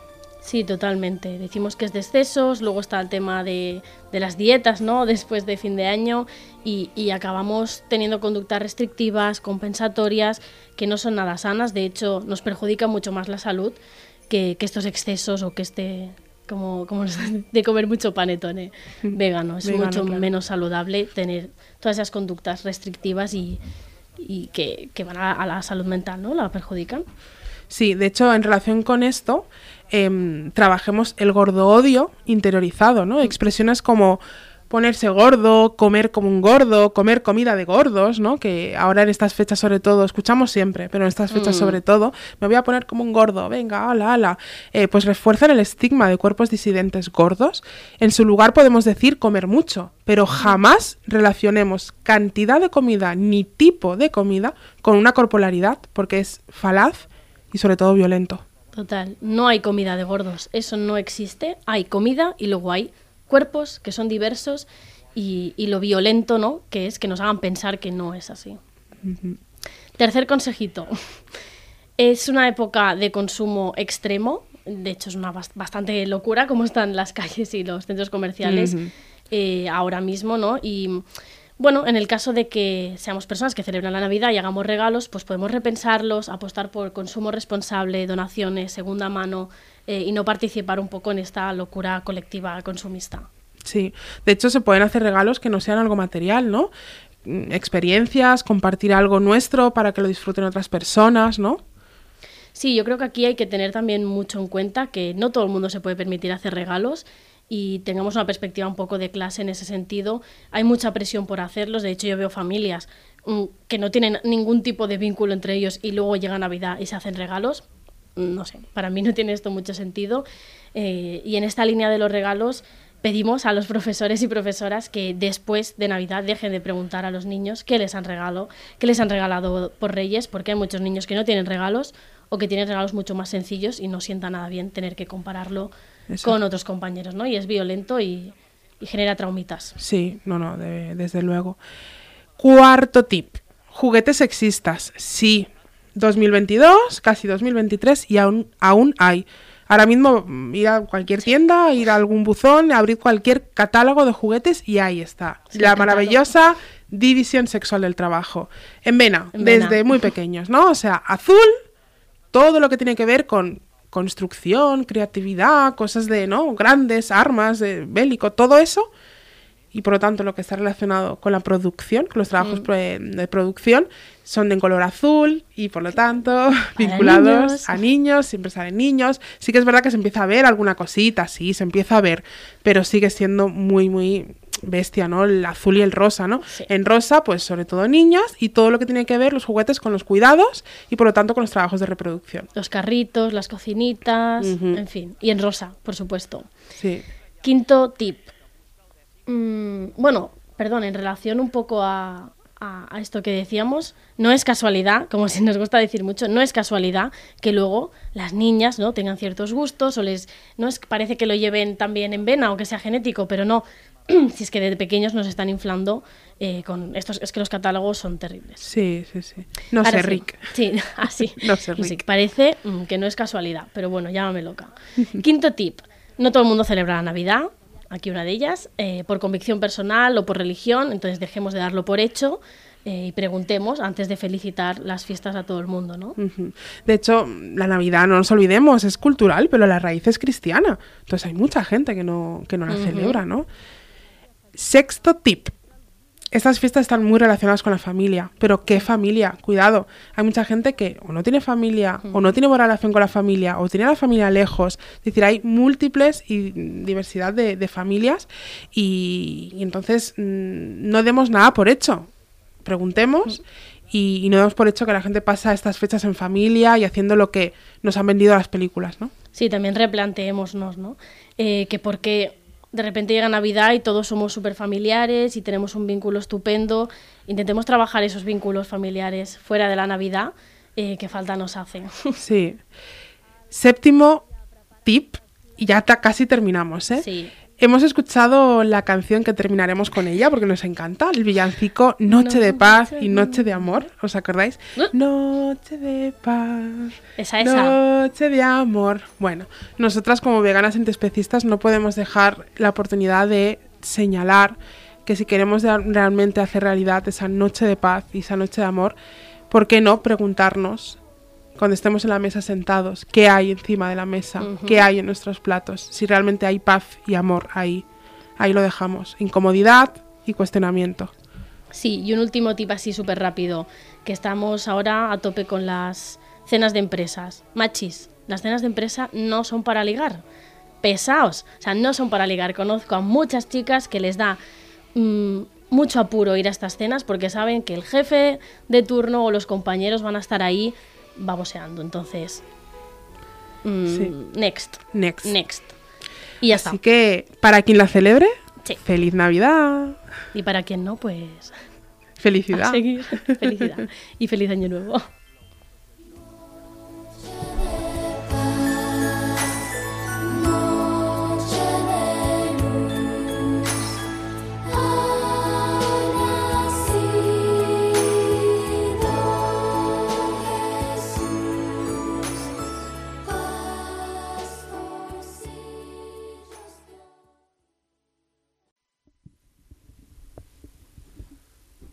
Hola, hola, benvingudes i benvinguts a l'especial nadalenc del Piscolabis del Cultius Culturals. I un dels clàssics de Nadal que ha passat fa uns dies és... Mil euros. Que poquets euros, no, realment? A veure, Maria, no farem ara un especial nadalenc incentivant el joc, no? No, no, no, per favor, no, no. De no, fet, no, serà un capítol molt artístic, ja veureu, eh? Poseu-vos una copeta de cava que celebrarem plegades aquestes festes.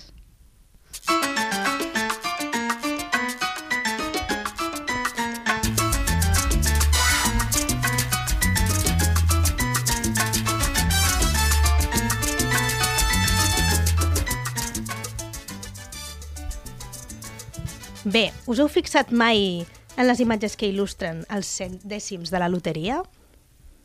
No, la veritat és que no. Mm, Vull dir, no m'ho havia plantejat fins que va sortir com a idea de capítol de Nadal. De fet, la temàtica apareix després d'una última visita al Museu del Prado i anar fent la broma davant de cada nativitat, en plan, mira, un dibuix dels dècims de la loteria. I és que realment és així, literalment, la majoria dels dècims han estat il·lustrats amb, amb nativitats del Prado.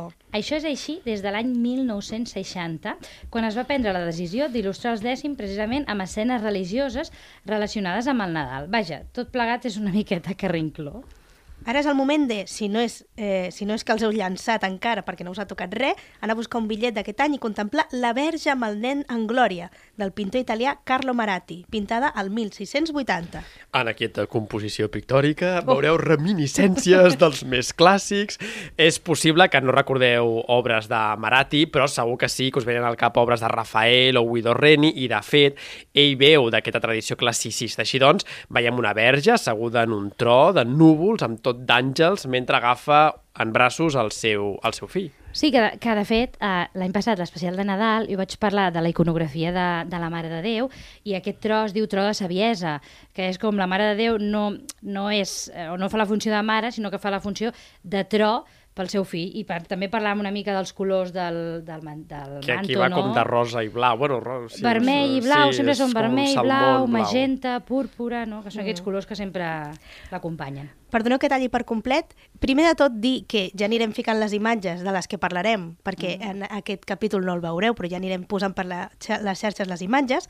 Però hem de parlar de l'any passat, perquè l'any passat li va tocar a Frangeli com la Verge de la Granada. Bueno, bueno, de fet, ara que ha sortit Frangélico, no sé si heu tingut l'oportunitat de veure l'Anunciació recent, recentment restaurada, que és espectacular el canvi de concepció que dona una recuperació total dels colors originals. I dit això, ja pots seguir amb la teva verge granada. Molt bé, una dada molt important, molt bé, molt bé. Però deixa'm parlar de Frangélico que m'ocupa. La Verge Granada és una obra del 1426.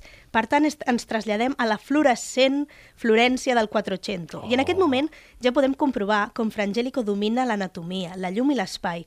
Cada vegada queda més lluny el gòtic, fins i tot en una pintura com aquesta, on el fons és daurat. De fet, el gran canvi del gòtic al renaixement, a part de la perspectiva, serà canviar els fons daurats monocroms per escenes de paisatges o ciutats de la llunyania. En quant a les figures, ja es comença a veure l'estil més realista. El nen que toca la fruita, vol agafar un granet i això dota de versemblança al quadre. Ja no són aquestes figures hieràtiques, que es diu, dignes d'una reialesa religiosa, sinó persones humanes representant la divinitat. Però sabeu per què es diu la Verge Granada? Eh? Pues no, ara ens ho explicaràs, espero. Il·lustra'ns. Perquè literalment hi ha una granada, és a dir, una magrana, i té un doble simbolisme. Per una banda, es refereix a la castedat, ja que és subjectada per la verge que ha tingut un nen, i per l'altra, en tant que la granada és tocada per Jesús, s'entén com una mena de spoiler de la seva vida, fent referència a la seva mort i resurrecció. Recordem el capítol de la tardor, eh? La granada, la, la magrana, és l'atribut de Persèfone, que marxa a l'inframont i retorna a la terra, mort i resurrecció. Caram, tu, Que eh, ben que ben lligat, sí, sí. Eh, doncs abans eh, li va tocar al Bosco fa un parell d'anys. Eh, aquest autor, tan interessant pels seus paisatges i personatges impossibles, va aparèixer als dècims amb el tríptic de l'adoració dels Reixos Mags, una obra del 1494. Per tant, no parlem d'una nativitat, sinó d'una epifania. I sent el Bosco no es limita a tres reixos adorant a Jesús, sinó que inclou tota una iconografia perfectament executada amb detallis, detallismes tals com un peix gran menjant-se un de petit en una de les túniques del patge de Baltasar, així com personatges grotescos habituals en la seva pintura com un senyor pràcticament despullat i que per a més Inri sembla que s'hagi cremat del sol amb una samarreta Imperio, doncs bé, aquest senyor, a més, el col·loca a les portes del pessebre, en el lloc més sagrat. I bé, a partir d'això ja que ha volgut trobar la referència de l'anticrist, allà plantat, enmig, allà al mig, mm, cremat pel sol, amb una tiara, observant-ho tot. Déu-n'hi-do el Bosco, eh? Com sempre, donant el puntet. I dit tot això, ja que no ha estat, he estat capaç de trobar cap pintura realitzada per dones, no? com la meva secció sempre diu, que és lamentable i, Pues sí. i denunciable, us parlaré i us diré que no totes les il·lustracions han sigut pintures. I del Museu del Prado, per exemple, l'any 2016, trobàvem un eh, diorama i de la catedral de Lleó. A primera vista podria semblar un pessebre, no deixa de ser un naixement, amb una establia, muntanya, ramat, però hem de diferenciar-la d'una composició amb figures mòbils, ja que això és un, re un relleu flamenc del segle XV, el qual barreja precisament el realisme flamenc amb la idealització del naixement. El pastor, per exemple, passa per una perspectiva impossible per sobre de l'establia. Bé, crec que seguiríem fins a arribar al 1960, però el capítol ha d'acabar. Agraïm a Ràdio Ciutat de Tarragona aquest espai que ens ha cedit i en especial al Lluís, el tècnic de so, que ha dirigit la producció d'avui. Eh, nosaltres som el Gavino, la Rosa, la Guiomar i jo mateixa, la Maria. Som l'equip del Cultius Culturals. Ens podeu seguir tant a Twitter, Instagram, Facebook i al nostre blog cultiusculturals.cat. Bones Bones festes! festes!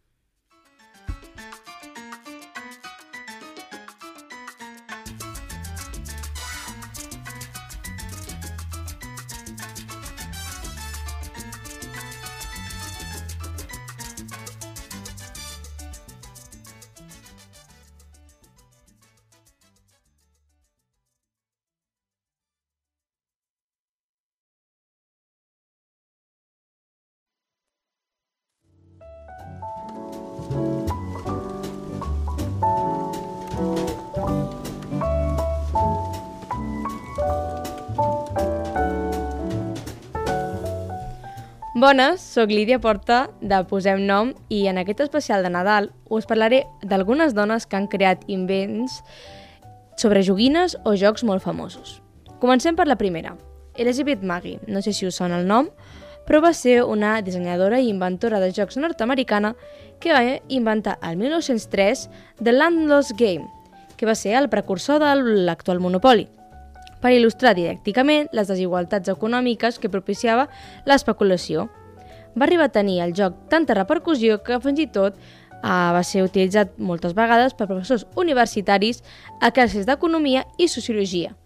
Tot i que Maggie va patentar el seu invent, només va rebre 500 dòlars. En canvi, Charles Darrow, el creador que normalment la gent coneix, va vendre una patent simplificada del joc de Maggie com si fos seva a Parker Brothers al 1935. Així és com es va crear la llegenda que el creador del Monopoly era algú que, havia estat, que estava a l'atur i que es va convertir en milionari. No es va ser fins gairebé 30 anys després de la mort de Maggie quan accidentalment en un judici es va descobrir que ella era la veritable inventora del tauler del Monopoly. Un cop més, la història doncs, ens demostra que el poc reconeixement que hi havia cap a les dones en aquella època.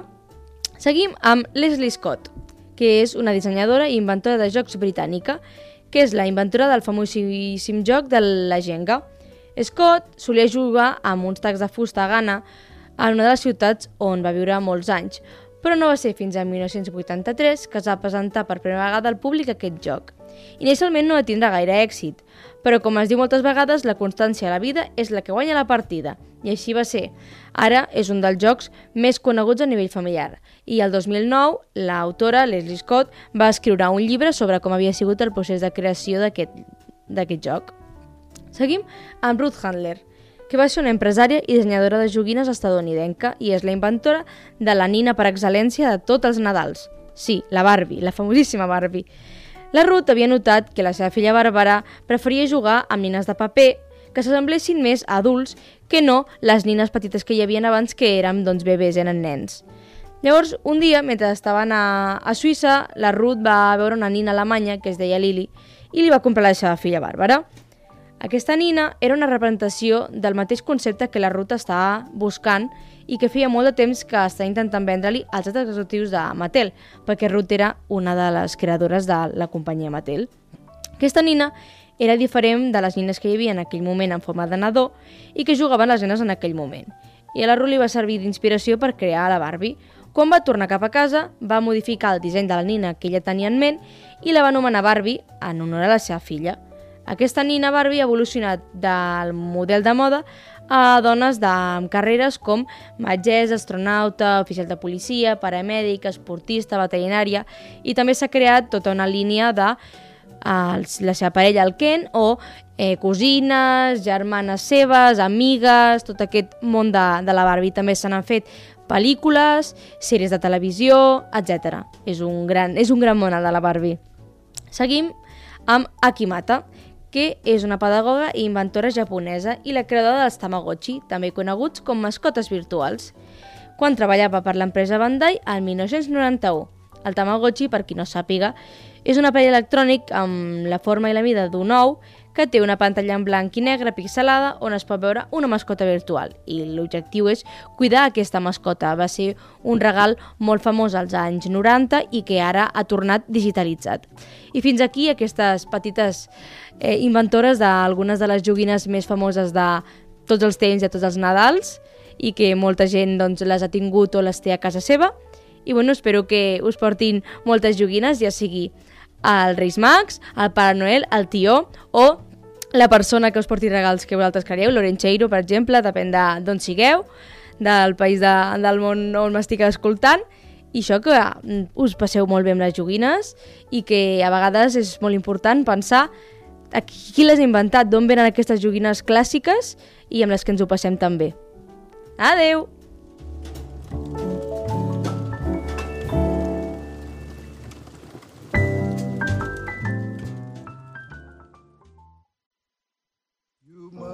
Remember this.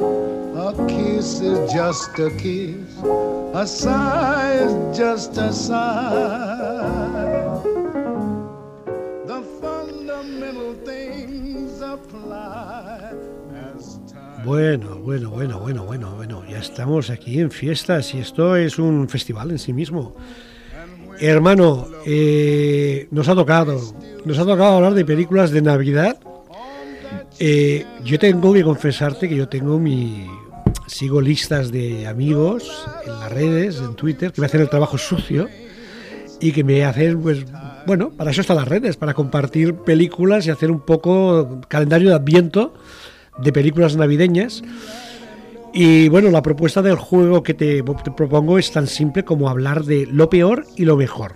La lista sería infinita, ¿eh? O sea, lo que son películas navideñas es impresionante la cantidad de filmes que hay con la Navidad de fondo. Bueno, tú te acuerdas, ¿no? De pequeñito, irte allí al cine, bien tapadito. Sí, con sí, las sí, manos dentro de las palomitas. Con los sabañones y tal. Sí, sí, sí, sí. Porque hacía frío, entonces hacía frío. Era un frío de verdad, no de película, de verdad. No como ahora, que voy en manga corta y estoy feliz de la vida. Y bueno, era, era la llegada de los grandes estrenos, ¿no? Navideños. Exactamente. Siempre había esa amenaza que era el cine de Navidad. Bien, vamos a empezar. Yo, eh, sorprendentemente, estoy en caza y captura y he de confesar que yo la he visto y no la he encontrado en redes, que es... Vamos a empezar hablando de lo mejor y lo peor. Eh, Y cuidado, cuando hablamos de lo peor no tiene por qué ser necesariamente malo. Puede ser muy mediocre, pero puede ser entrañable.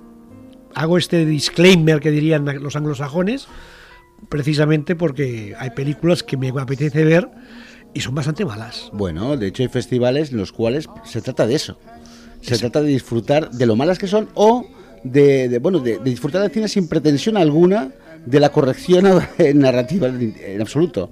Para- Para guiones, muy los malos, guiones muy malos que generan películas muy malas con las Sí, que la gente disfruta. Mira, vamos a empezar por la película Inencontrable, directamente. El título es Santa Claus conquista a los marcianos. ¿Qué dices? Existe, señores, búsquenla, porque esta película está considerada una de las. estaría dentro del ranking de las 100 peores películas de la historia, así, directamente. Y es la historia de unos extraterrestres que secuestran a Santa Claus y se lo llevan al planeta para que ejerza como tal de Santa Claus.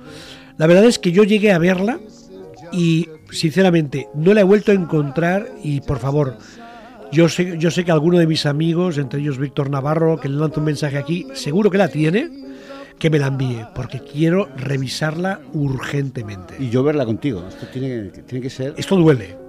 Bueno. Puede doler. Vale. Venga, hermano, tú mismo. Bueno, no sé, eh, a mí, eh, yo recuerdo aquella antiquísima, yo la, vamos, eh, que alguna vez la hemos pillado en, en televisión, en una de estas re- remisiones, se armó el Belén. Ostras, Iván, la de Paco Martínez Soria, ¿te Esa, refieres? esa, esa. Bueno, entrañable directamente. Bueno, aquí precisamente Paco Martínez Soria interpreta a un cura de los de antes, ¿no? Sí, sí. Eh, bueno, que, que pretende convencer a los vecinos de su parroquia, ¿no? De que colaboren en un Belén viviente. Sí, sí. Y, bueno, pues imagínate, pues eh, no puede acabar bien. No, no, se armó el Belén, es una película caspa eh, que se puede ve- ver, evidentemente, en el gran canal que agrupa todo lo que es el cine patrio, ¿no? Que es Frisolé, que es una joyica también, porque eh, cuando te, hay una película española que no sabes dónde está, Frisolé, no pagan. Pero es donde yo me encuentro las películas eh, nacionales que se han de ver. O sea, No, no, que a veces las ves, eh, que están dándolas por la, por la televisión, te quedas sentado con el mando en la mano dispuesto a cambiar y no hay manera. No hay manera, te absorben, te absorben, sí O, señor. o te fallan las pilas. También, puede pasar. Bueno, mira, la siguiente, esta me, goza porque es de cine fantástico, es de cine, digamos, de terror, que es Noche de Paz, Noche de Muerte, del año 87 ya. A ver, esto es una película mala, pero mala. Curiosamente está en Filmin, porque Filmin también eh, recupera todo lo que es ese cine navideño, eh, bueno, y no navideño, gore, y esta es una película gore que tiene escenas realmente para patear la sala, con un montón de crímenes, con, unos, con unas... Bueno, es absurda en sí mismo, pero llegó a generar secuelas. Noche de paz, noche de muerte. Esta es la original, por lo tanto, recupérenla que ya verán qué risas. Bueno, pues mira, yo veo en la lista, esta lista que me has pasado, un padre en apuros y eh, lo siento, expreso mi total disconformidad porque yo disfruté con esta película y Arnold Schwarzenegger protagonizándola como un niño. Di- Eh, directamente, No, sí, no, sí. Es, es, es, es una película de acción eh, y comedia. Con Jamie Curtis, No, no. otra vez, sí señor. Pero bueno, eh, eh, aquí de hecho es eh, una, una película de superhéroes. Es una película de superhéroes. Directamente. Donde Schwarzenegger, Schwarzenegger es un padre que intenta comprar el regalo de moda para su hijo y el problema es que está agotado en todas partes. Y se lo ha de disputar a otro padre con las mismas intenciones y se convierten en, en- en el héroe y su antagonista Sí, paseando- sí, sí. bueno, luchando por ese muñeco. Es maravillosa, o sea, que sí, que vale, que no, canónicamente, ¿no? Mira, Paco Martínez Soria me ha contagiado su Sí, sí, sí, sí, eh, espiritualidad. Eh, no será, no será buena, pero disfrutas. Es disfrutable. Yo acabo de meter un gazapo a to- he hablado de Jamie Lee Curtis cuando no sale la película. Es que yo cuando pienso en Arnold Schwarzenegger me viene Mentiras arriesgadas. mentiras arriesgadas a la cabeza, que esa es buenísima. Oh, qué buena. No es de Navidad, pero también es recomendable. Pues ponle cascabeles y la puedes ver el Directamente. 25 también, directamente. Bueno, había una de Navidad también con el Paul Hogan, ya hablando de musculitos, que también estaba por ahí di- disputando el, trono. Pero tengo que reconocer que Un padre en apuros es una película disfrutable, está en el, canal Disney y yo la pondría ahí porque precisamente se lo merece. Me ha venido enseguida yo sabía que íbamos a discrepar. Pero no, me sumo a mi hermano y digo, es una buena película. Siguiente película. Jack Frost. Aquí tenemos a Michael Keaton. Le pasa un poco como la anterior que he parlado. En esta tiene efectos especiales. Es una historia de un alma que posee una, un muñeco de Navidad y tiene un punto de perversión brutal. Había un Jack Frost 2 que se llamaba La venganza del muñeco de nieve mutante, que es una película mala, mala no lo siguiente. En este caso Jack Frost se puede ver, la otra es para re- reventar de risas y decir, pero qué narices estoy viendo. Me va a salir una palabrota no políticamente correcta. Pero mira, tiene la ventaja de que la podemos ver en el canal Disney. Pero recordar, ¿qué tiene esta película? Que, da que tiene puntos de que da miedo. Ese muñeco de nieve realmente tenía un punto macabro, casi de zombie gelificado, que acojonaba bastante. La típica búsqueda de la franquicia. de- El muñeco 1, el muñeco 2, el muñeco 3. Sí, sí, la cosa se detuvo en algún momento dado, para suerte de nuestras retinas. El muñeco final. El muñeco final, Jack Frost final. La vuelta del muñeco. Sí, sí. Jack Frost Bueno, contra... y- y, a ver, veo aquí también Una Navidad de Locos, donde Tim Allen interpreta a Luther Crank, un hombre que decide saltarse las Navidades para irse de vacaciones con su mujer. Sí, sí. Pero cuando su hija decide pues, regresar a casa, pues se ve obligado a celebrar la Navidad a su pesar. Terrible. Pero bueno, no hablan muy bien ¿eh? tampoco de esta película. No, era una película que cos- le costaba encontrar la gracia. Yo recuerdo que era, aquí precisamente el actor principal intentaba hacerlo divertido y era una película claramente fallida. Pero evidentemente es de las películas que estarían en esa lista de quiero y no puedo. Esta la tenemos en Netflix, o sea, lo tenemos muy fácil y sencillo de acceder a ella. Igual en la cuarta o la quinta revisión tiene algo de gracia, pero, en fin, esto es lo que hay. Bueno, vamos a las mejores, a las que recomendaríamos sin, sin dudar. Directamente, vamos, vamos, Iván, comienza tú mismo. Pues bueno, pues yo creo que, eh, fíjate, una de superhéroes, ¿no? Batman Returns. Ah, maravillosa. Qué bien usa Barton la Navidad como escenario y cómo subraya aquí la soledad de sus personajes. Sí, señor. A ver, est- están a tope, o sea, a ver, es palomitera. Es de las que me gusta a mí eh, sentarme en el sofá y poner el microondas al lado. Directamente, esto está en HBO más, por lo tanto se puede ver en plataformas, evidentemente. A mí me encanta que hayan recuperado todo el ciclo de Batman, en su mayoría, y esta estaría para mí entre las primeras, porque precisamente ese retrato de la Navidad a lo Tim Burton es impagable. Bueno, eh, directamente vamos a, a hablar de otra película, que sería Elf. Eh, es una película ñoña, Elfo, de con el Will Ferrell, pero tiene encanto, tiene imaginación, tiene simpatía. Sería la ñoñez eh, sensible para gente como yo, que tenemos una edad, y que en cierta manera, pues eh, la Navidad es esto. Tal como la vendes, yo la pasaba a la otra lista ahora mismo. pero bueno, pero no, Oye, si te gustó, te gustó y, eh, oye, Me las vi de un tiro porque estaban todas en HBO Max y esta estaba en la lista y dije, se la voy a poner a mi hermana porque yo creo que no la vio muy de pequeño Mira, y yo quiero la yo, yo la que vi de pequeño y me parece una de las mejores películas navideñas de todos los tiempos. No me digas. Gremlins. Por favor. Con la partitura de Silvestre. Gre- es Gremlins, brutal. Gremlins es, es una maravilla. Es un cuento de Navidad con un ser adorable que se convierte en tu peor pesadilla cuando empieza aquello a desmadrarse. Idea no matriz. cumplir las normas, no cumples, no, no me presiones. Pero a mí, yo recuerdo que el personaje femenino, el personaje de ella, de la coprotagonista femenina, eh, odiaba la Navidad. Por el mero hecho de que su padre no dijo nada, se disfrazó de Papá Noel y quedó atascado en la chimenea hasta morir. Claro. anécdota. Cuéntale esto a un niño. Eran crueles, eran crueles con nosotros, pero era tan maravilloso. Mira, yo es una película que no puedo, la vería constantemente cada año, la celebraría, así como hay gente de Regreso al Futuro, nosotros somos de Gremlins. Esta es la película Meridiano con coincidir en los Serras como una auténtica gozada. HBO Max, ¿por qué será?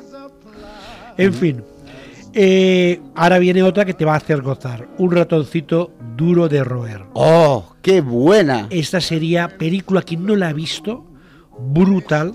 La lástima es que no está en plataformas solamente de pago y tenían que tener a la gente de Apple. Ahí es, me han dado. Mira, es una película que marca el tono desde el principio. Es una comedia con un humor negro, un humor... eh, Negrísimo. Buah, pero pero es, es, es fantástica, unas interpretaciones maravillosas. Una estrella invitada, si no recuerdo mal, Christopher Walken. Sí, correcto, correcto, correcto, correcto. Que es Impresionante. una interpretación imperdible. Una de las muchas que tiene él, ¿no? Muchas veces hace estas apariciones. El cazador. Es fantástico. El cazador Sí, sí, sí. sí. Es una versión gore de Solo en Casa, eh, dirigida por Gore Verbinski, pero con una imaginación. Es un cartoon hecho con personajes reales. El humor del slastic. Sí.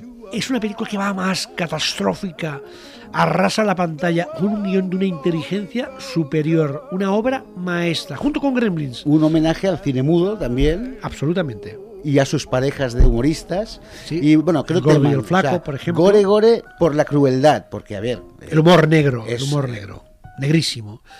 Y no- bueno, No temáis que no hay sangre. Y yo aquí voy a acabar ya con una doble recomendación para ahorrarte el, el tema, que es evidentemente el clásico de Solo en Casa, que es una peliculita, son peliculitas que en su momento, creerme, ¿eh? cuando yo las vi en origen, no me despertaron demasiado cariño, pero que no están mal, no están mal, precisamente porque vienen a, a- a contribuir a ese cine catastrófico, ¿no? Con un niño que acabas eh, odiándolo. Yo, era mi versión, ¿eh? O sea, habrá muchos que lo queríamos, pero yo empatizas directamente con los malos estilo el coyote, Sí, un poco sí, como el correcaminos, que sería el exacto, juego. exacto, respetable.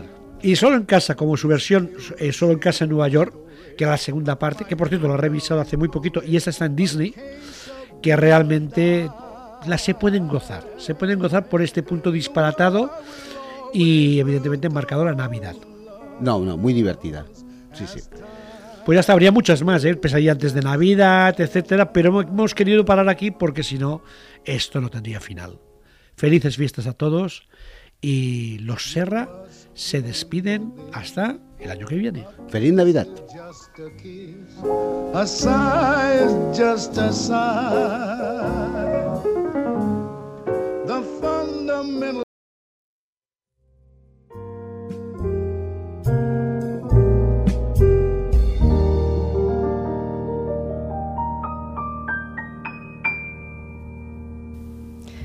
Hola, sonrisa bonita, ¿cómo estás? Navidad. Oh, qué palabra más bonita. ¿Qué sientes con la Navidad? Yo siento recuerdos, sobre todo las Navidades de mi infancia. La ilusión. Todo es ilusión, todo es emoción. Realmente, cuando nos convertimos en adultos, vamos perdiendo esa ilusión, nos olvidamos de ser niños. Últimamente me he dado cuenta que las navidades no significan, evidentemente, para todo el mundo lo mismo. Hay gente que las vive de muy diferentes maneras. Y te lo digo porque esta diferencia se vive cuando somos adultos. Como te decía, nos olvidamos de ser niños. Pero todo es perfecto como es. Es tan lícito sentir o no gustarte las navidades, ser el Grinch de tu familia, como ser la persona que más entusiasta es con estas fiestas. Lo importante es que tú sepas sacar lo mejor de ti, pero no en estos días, sino siempre. Yo me acuerdo las navidades, cómo se preparaba en familia, el pesebre, el árbol, se decoraba toda la casa. Un mes antes de Navidad ya empezaban a decirte, tienes que portarte bien, porque si no los Reyes Magos no van a venir, porque en mis tiempos Papá Noel por aquí no venía todavía. Pero esa ilusión que después a medida que vas creciendo la vas sintiendo de diferente manera. Pero por ejemplo, yo cuando he sido madre, al transmitirle a mis hijos la misma emoción, la misma ilusión que yo sentía, descubrí algo. Descubrí que hay emoción por unir a la familia, aunque después acabes hasta el gorro de ellos. Pero la unión, esos días de sobremesa, esas conversaciones, esos enfados, porque en Navidad también existen enfados. Y descubrí que las navidades no han de ser perfectas. No tienes que tener una mesa perfecta, decorada, que sea lo más bonito, no. Tienes que fijarte en quién tienes sentado a la mesa. No tienes que poner lo mejor, los mejores alimentos, la mejor receta en tu mesa. No, para mí no se trata de eso. Para mí las navidades es juntar a la familia, es poder compartir la ilusión, poder compartir la emoción, pero lo más, lo más importante es sentir y sacar afuera a ese niño interior, a esa niña interior. Volvamos a sentirnos niños. Y también te voy a decir algo. Si a ti no te gustan las navidades, no pasa absolutamente nada. Todo es perfecto y cada uno ha de gestionar sus navidades como quiera y como sienta. Sobre todo, déjate sentir. Siente. Sea para bien o sea para bien también. Desde aquí solamente te me queda por decirte que felices navidades, te gusten o no.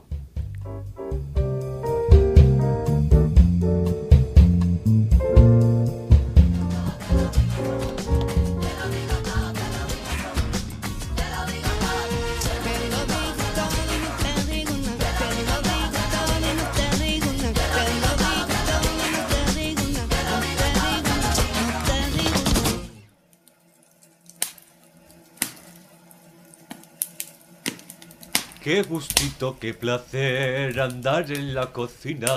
Qué alegría en pensar en lo que viene después. Soco, deja de cantar y di al pollo, por favor, anda. Ya, si estoy con ellos, espérate que lo estoy embadurnando. A ver. Bueno, hola a todos y a todas. Bienvenidos a nuestra casa en donde estamos celebrando la Merry Merry Christmas. La casa de te lo digo todo. Exactamente, nuestro hogar. Donde Oye, venga, que tengo hambre, joder. A Sí, ver, eh? un poquito de paciencia Aquí porque... comença a arribar l'olor i ga- gana.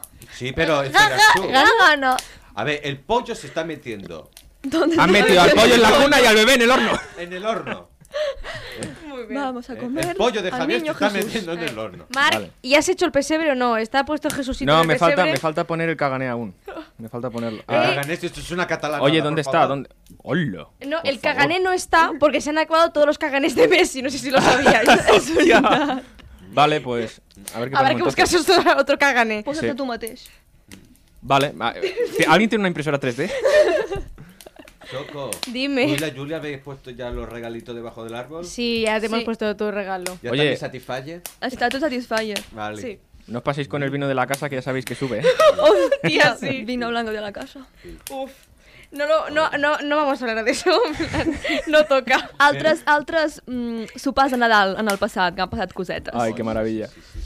Y en estos momentos tan bonitos de Navidad, ¿no se tendrán ganas como de oír una canción navideña, tipo un villancico o algo así por el estilo? Después, después, a ver si se te va a acabar el vos pollo. que sigui sincer.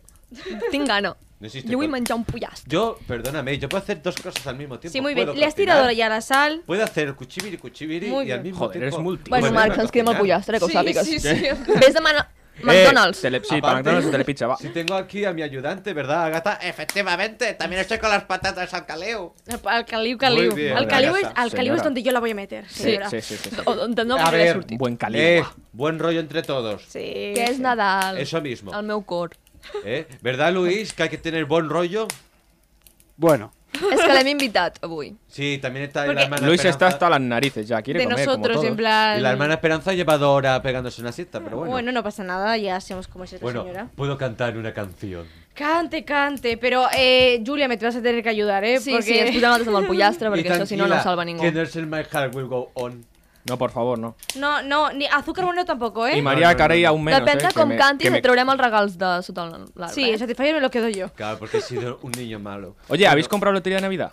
Sí. Sí. Vale, vale, vale. ¿Y la grosa? ¿La grosa? No. Vale, vale, Ahí, sí, sí, sí. ¿Y sí. la, que no? y la doble? La dobla. Es la grosa, pero para eh, asociaciones, porque se ve que ahora la grosa no puede, o sea, las asociaciones tipo coles y esas cosas, no pueden comprar la grosa normal. Se- Han hecho como Mm. una grosa especial para asociaciones, que se llama la dobla, son dos números. Vale, vale. Una Yo- cosa pues- más rara. pues Yo ya compro el de la Cruz Roja. Sí, total, lo importante es sacarse, sacar dinero, ya sea Cataluña o ya sea España. Viva España y viva Cataluña. Así me I gusta. Girona més. Ponme. No. Ponme. No. El otro. Que no queremos conflicto, hemos dicho. Que estamos en Navidad, estamos Yo, celebrando una yo fiesta. solo he venido porque la Julia me dijo que habría pollo y no veo el pollo. Yo he El venido aquí a pollo. comer pollo. En Lluís està mirant ja el globo veure El què pot globo. trobar. No sé, al final voy a tener que llamar a un catering Zeta Jones. Bueno, quiero cantar. Venga, venga, canta. venga, cante, Dios, ponme música.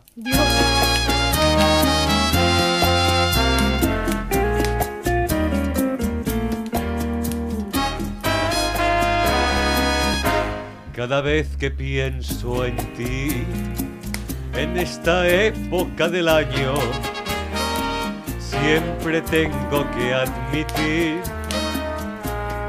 cuánto te extraño.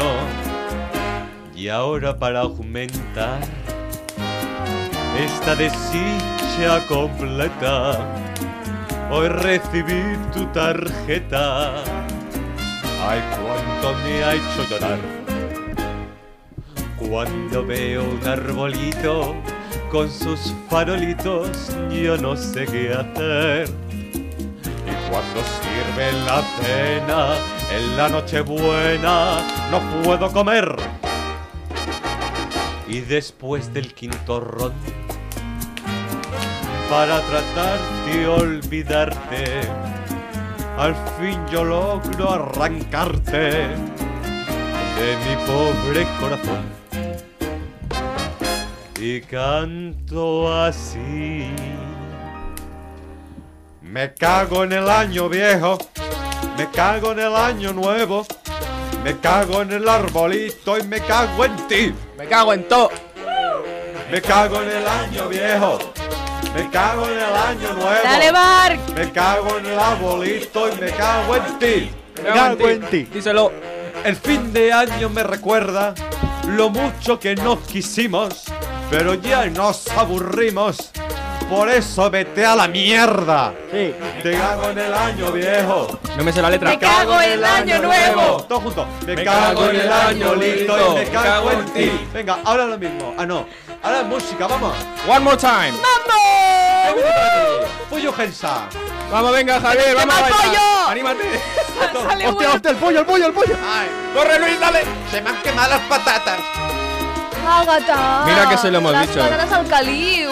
Tanta rumbita. Eh, pam, pam, pam, param. Me cago en el año viejo. Me cago en el año nuevo. Me cago en el año bonito. Me cago en ti. Agatha Christie.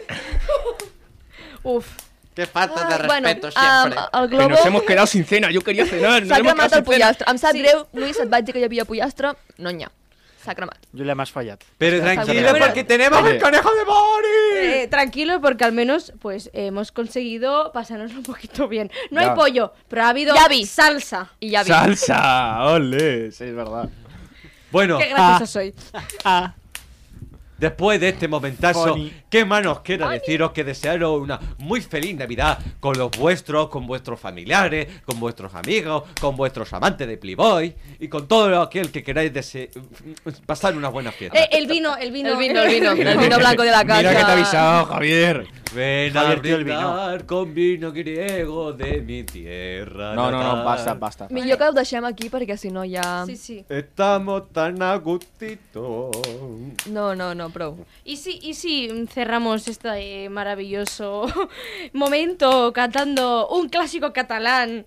És Nadal al meu cor, quan somrius content de veure... ¿Qué mierda de canción es esta? No me suena, ¿eh?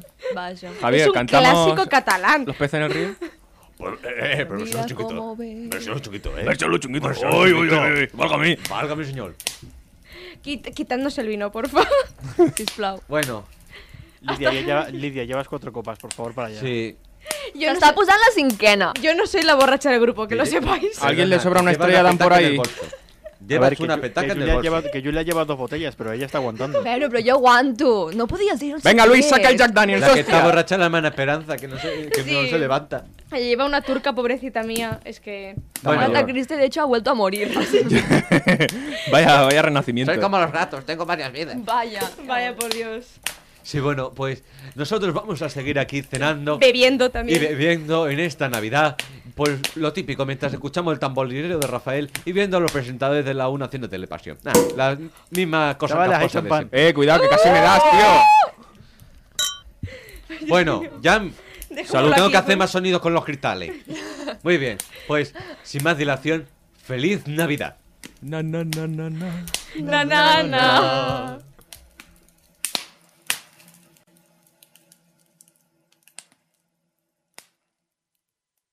Has escoltat un capítol de Podcast City, la plataforma de podcast de Ràdio Ciutat disponible al web rctgn.cat, a l'APP de Ràdio Ciutat de Tarragona i els principals distribuïdors de podcast.